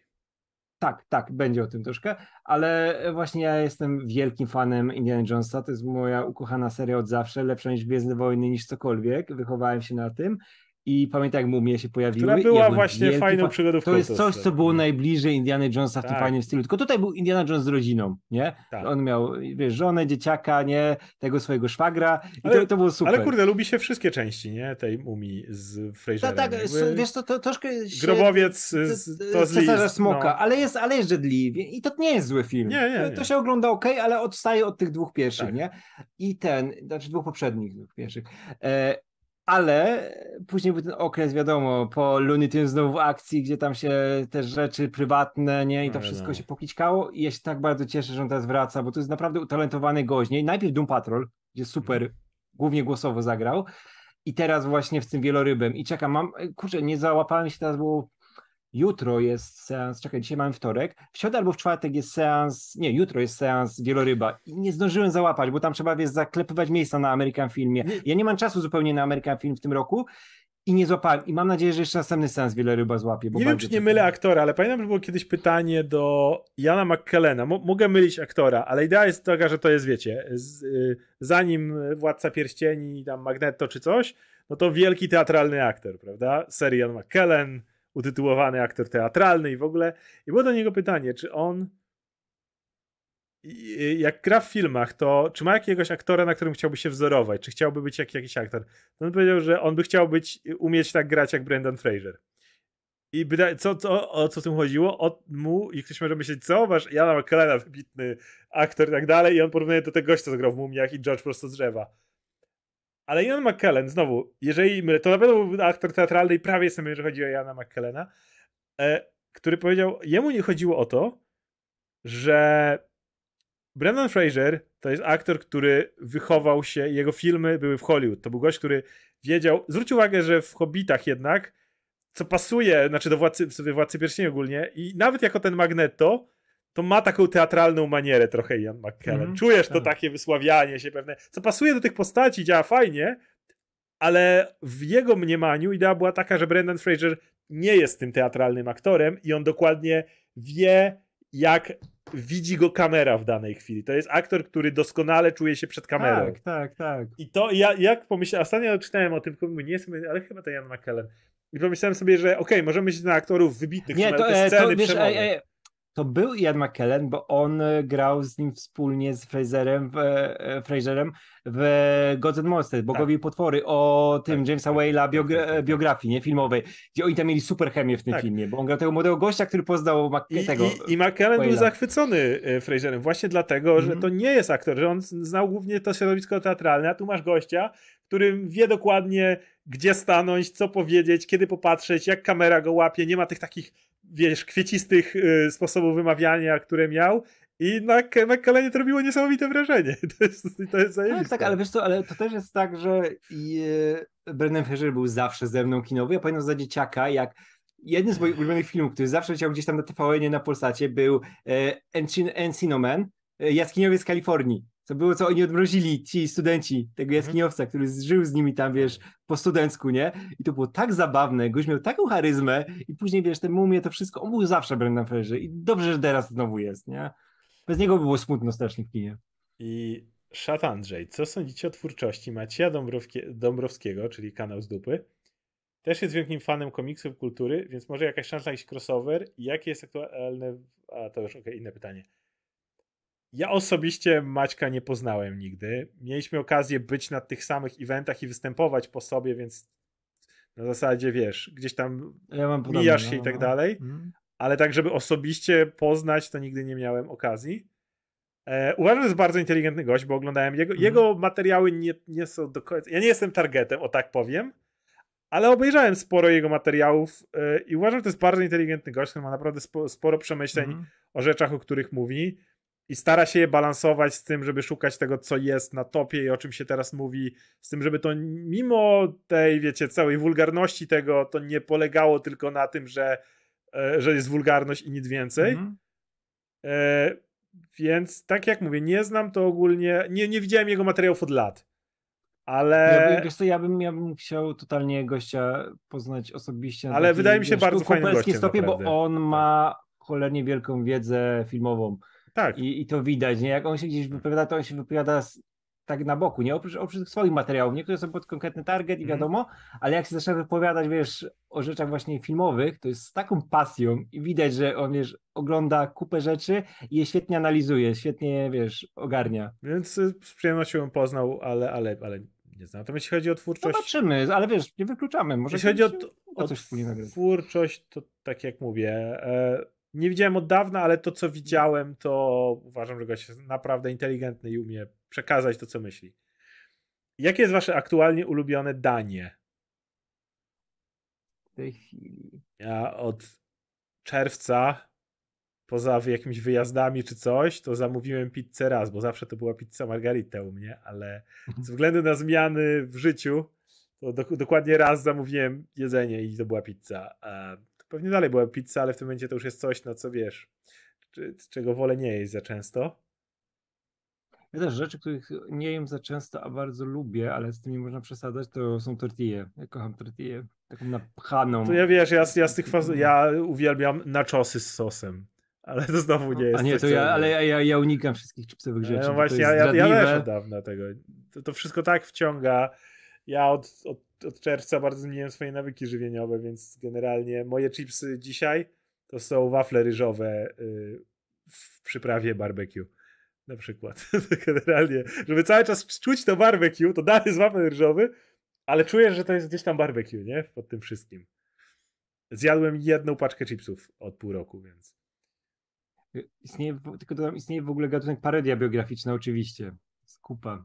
Historia e... Dewey'ego Coxa. Pozdrawiam i jak zwykle zdrówka od Andrzeja. I ostatnie pytanie, Dan Schrott. Oscar z naiwnym przesłaniem Dragon Prince'a chodziło mi o to, że bardzo często powtarzane najważniejsza jest miłość, pokój, szacunek itp. Agresja nie jest odpowiedzią. Co jest tym złego? Co jest złego w takim przesłaniu? Jest, ja nie mówię, ja nie mówię, że to jest. Su, ja też wiesz, że Całym szacunkiem superbohaterowie robią dokładnie to samo od kilkudziesięciu lat. Zawsze przesłaniem jest takie, że o ile ktoś to dobrze pisze, że tak, ponawalają się i w Dragon Prince też, dadzą sobie po ryjach i tak dalej, ale zawsze rozwiązanie to jest to, że Superman komuś pomoże, że, czy, czy Spider-Man, czy ktoś taki, nie? Że, że przyleci no, oczywiście. i załatwi sprawę niesiłowo. To come on, co, co jest złego w tym przesłaniu? Mówię, pytasz gościa, który czytał pewnie w tonach, gdybyśmy na papier to przełożyć komiksów superbohaterskich i dalej Wiesz, się każdy, nie Każdy nasz materiał o Spider-Manie jest No właśnie, to jest... Nawet w scenie walki z magiem wiatru mamy równocześnie przemówienie Ezrana na temat przemocy. Tak, jest moment, że się dwie osoby próbują zabić i ostatecznie jedna z nich ginie, a wtedy inna postać w zupełnie innym miejscu na świecie przemawia o tym, że agresja nie jest rozwiązaniem. I masz jednocześnie jaką część, że agresja nie jest rozwiązaniem, walkę dwóch osób, która doprowadza do tego, że jedna zabija drugą. Więc... Kurczę, jest ten, jest ten komiks z Supermanem, który był też zaadoptowany w ogóle. To był jedna ze sztówka, która była zaadoptowana na cały film. Yy, Superman kontra The Elite. A, tak, gdzie, tak, tak, tak. Gdzie on jest, udaje, jest... że i gdzie on, Superman w pewnym udaje, tak. że puszczają mu hamulce. Tak, że tego nie robi, ale... To wszystko zaplanowane, ale Superman jest sam tak przerażający i na końcu daje im lekcję, że wyobraźcie sobie... Jak, wyobraźcie sobie, że to było naprawdę. Tak. Zresztą ta postać Manchester Black, Black się nazywa? Tak, tak, Ona tak. się teraz była, przecież współpracowała z nimi przy tym Westworldzie. To jest ten run w... w Warworldzie. Tak, tak, tak. On tam z nimi poleciał. E, mhm. To był, ten run był taki sobie, ale ja jestem, ja uwielbiam to, jak masz e, Midnightera i Apollo. I tam jest tak, że oni, ten Mongul łapie wszystkich do niewoli, Midnighter ucieka, bo, bo to Batman, więc jemu się udaje uciec. I Midnighter jest tym typem, który ma wyjebane na wszystkich tutaj, on tylko chce Apollo uwolnić, a reszta może spłonąć. Jest tym typem, który no. robi partyzantkę na Warworldzie, tylko że on jest Midnighterem, a nie Batmanem, więc morduje tam na lewo i prawo tych od Mongula. Jest mój ulubiony motyw, bo Superman tam, on chce pokazać tym ludziom, że jest inna droga i on jest nazywany e, bezkrwawym mieczem, czy coś takiego, bo on wychodzi na areny i zawsze walczy nie zabijając przeciwnika. I ludzie tam wszyscy mówią, jest to, to rewolucja i tak dalej. I mój ulubiony moment to jak napadają jakiś tam ludzie od Mongula, ci rewolucjoniści, powalają ich, jeden chce robić drugiego, mówi, nie, nie rób tego. Bezkrwawy miecz nauczył nas innej drogi. I oni się odwracają z tyłu, Midnighter odrywa typowi głowę. Hmm. Patrzy na nich, co? to jest no, więc e, całkiem fajne. E, no dobra. W ogóle tak. jeszcze dodałem, że w tym, w tym, w tym z Elite uwielbiam ten moment, jak Superman, że został tylko Black i Superman no przed nim stoi i on e, mówi, że ten, że Black nie może mocy nagle używać. Bo mu wypalił. a on mówi, że w mózgu co, coś stało, zrobiłem ci lobotomię, wiesz, tak, i Superman używając równocześnie, ale równocześnie używając wszystkich swoich tych, wiesz, mocy. Tak, wiesz, Hit Vision, Microvision i Rentgen. I Rentgen, tak, to jest wow. Że nie zauważyłeś Kocha, kiedy, ale zrobiłem ci. Mówię, wiesz to film, film, ma swoje wady, ale ten komiks to był z jedną zeszytówka Joe'ego Kelly'ego z 2001 chyba roku, mhm. który jest absolutnie fantastycznym komiksem. No, więc e, to jest z naszej strony tyle. Także dziękujemy bardzo jak zawsze za wsparcie. Dziękujemy za naprawdę tak liczne przybywanie, nawet kiedy robimy tak. live'y o późniejszych To nie było, godzinach. nie było tylko przez Black Panthera, bo zobacz, mamy po dwóch godzinach i dalej mamy kupę osób, A, tak, więc super. Jak zawsze bardzo dziękujemy. W tym tygodniu będzie Andor, na weekend poleci Black Panther i jeszcze mamy na jutro przygotowaną dyskusję. Y, tak. Będzie o tak zwanym Hamadaverse, czyli razem z Tomaszem Żaglewskim zrobiliśmy sobie dyskusję o spuściźnie Hamady, który być może będzie pomijany w tym przejściowym okresie, ale wszyscy uznajemy, że Hamada odziedziczał DC w znacznie gorszym miejscu niż zostawił Jeganowi. I, i, i chcieliśmy o tym pogadać. Mhm. Więc to możecie spodziewać się jutro.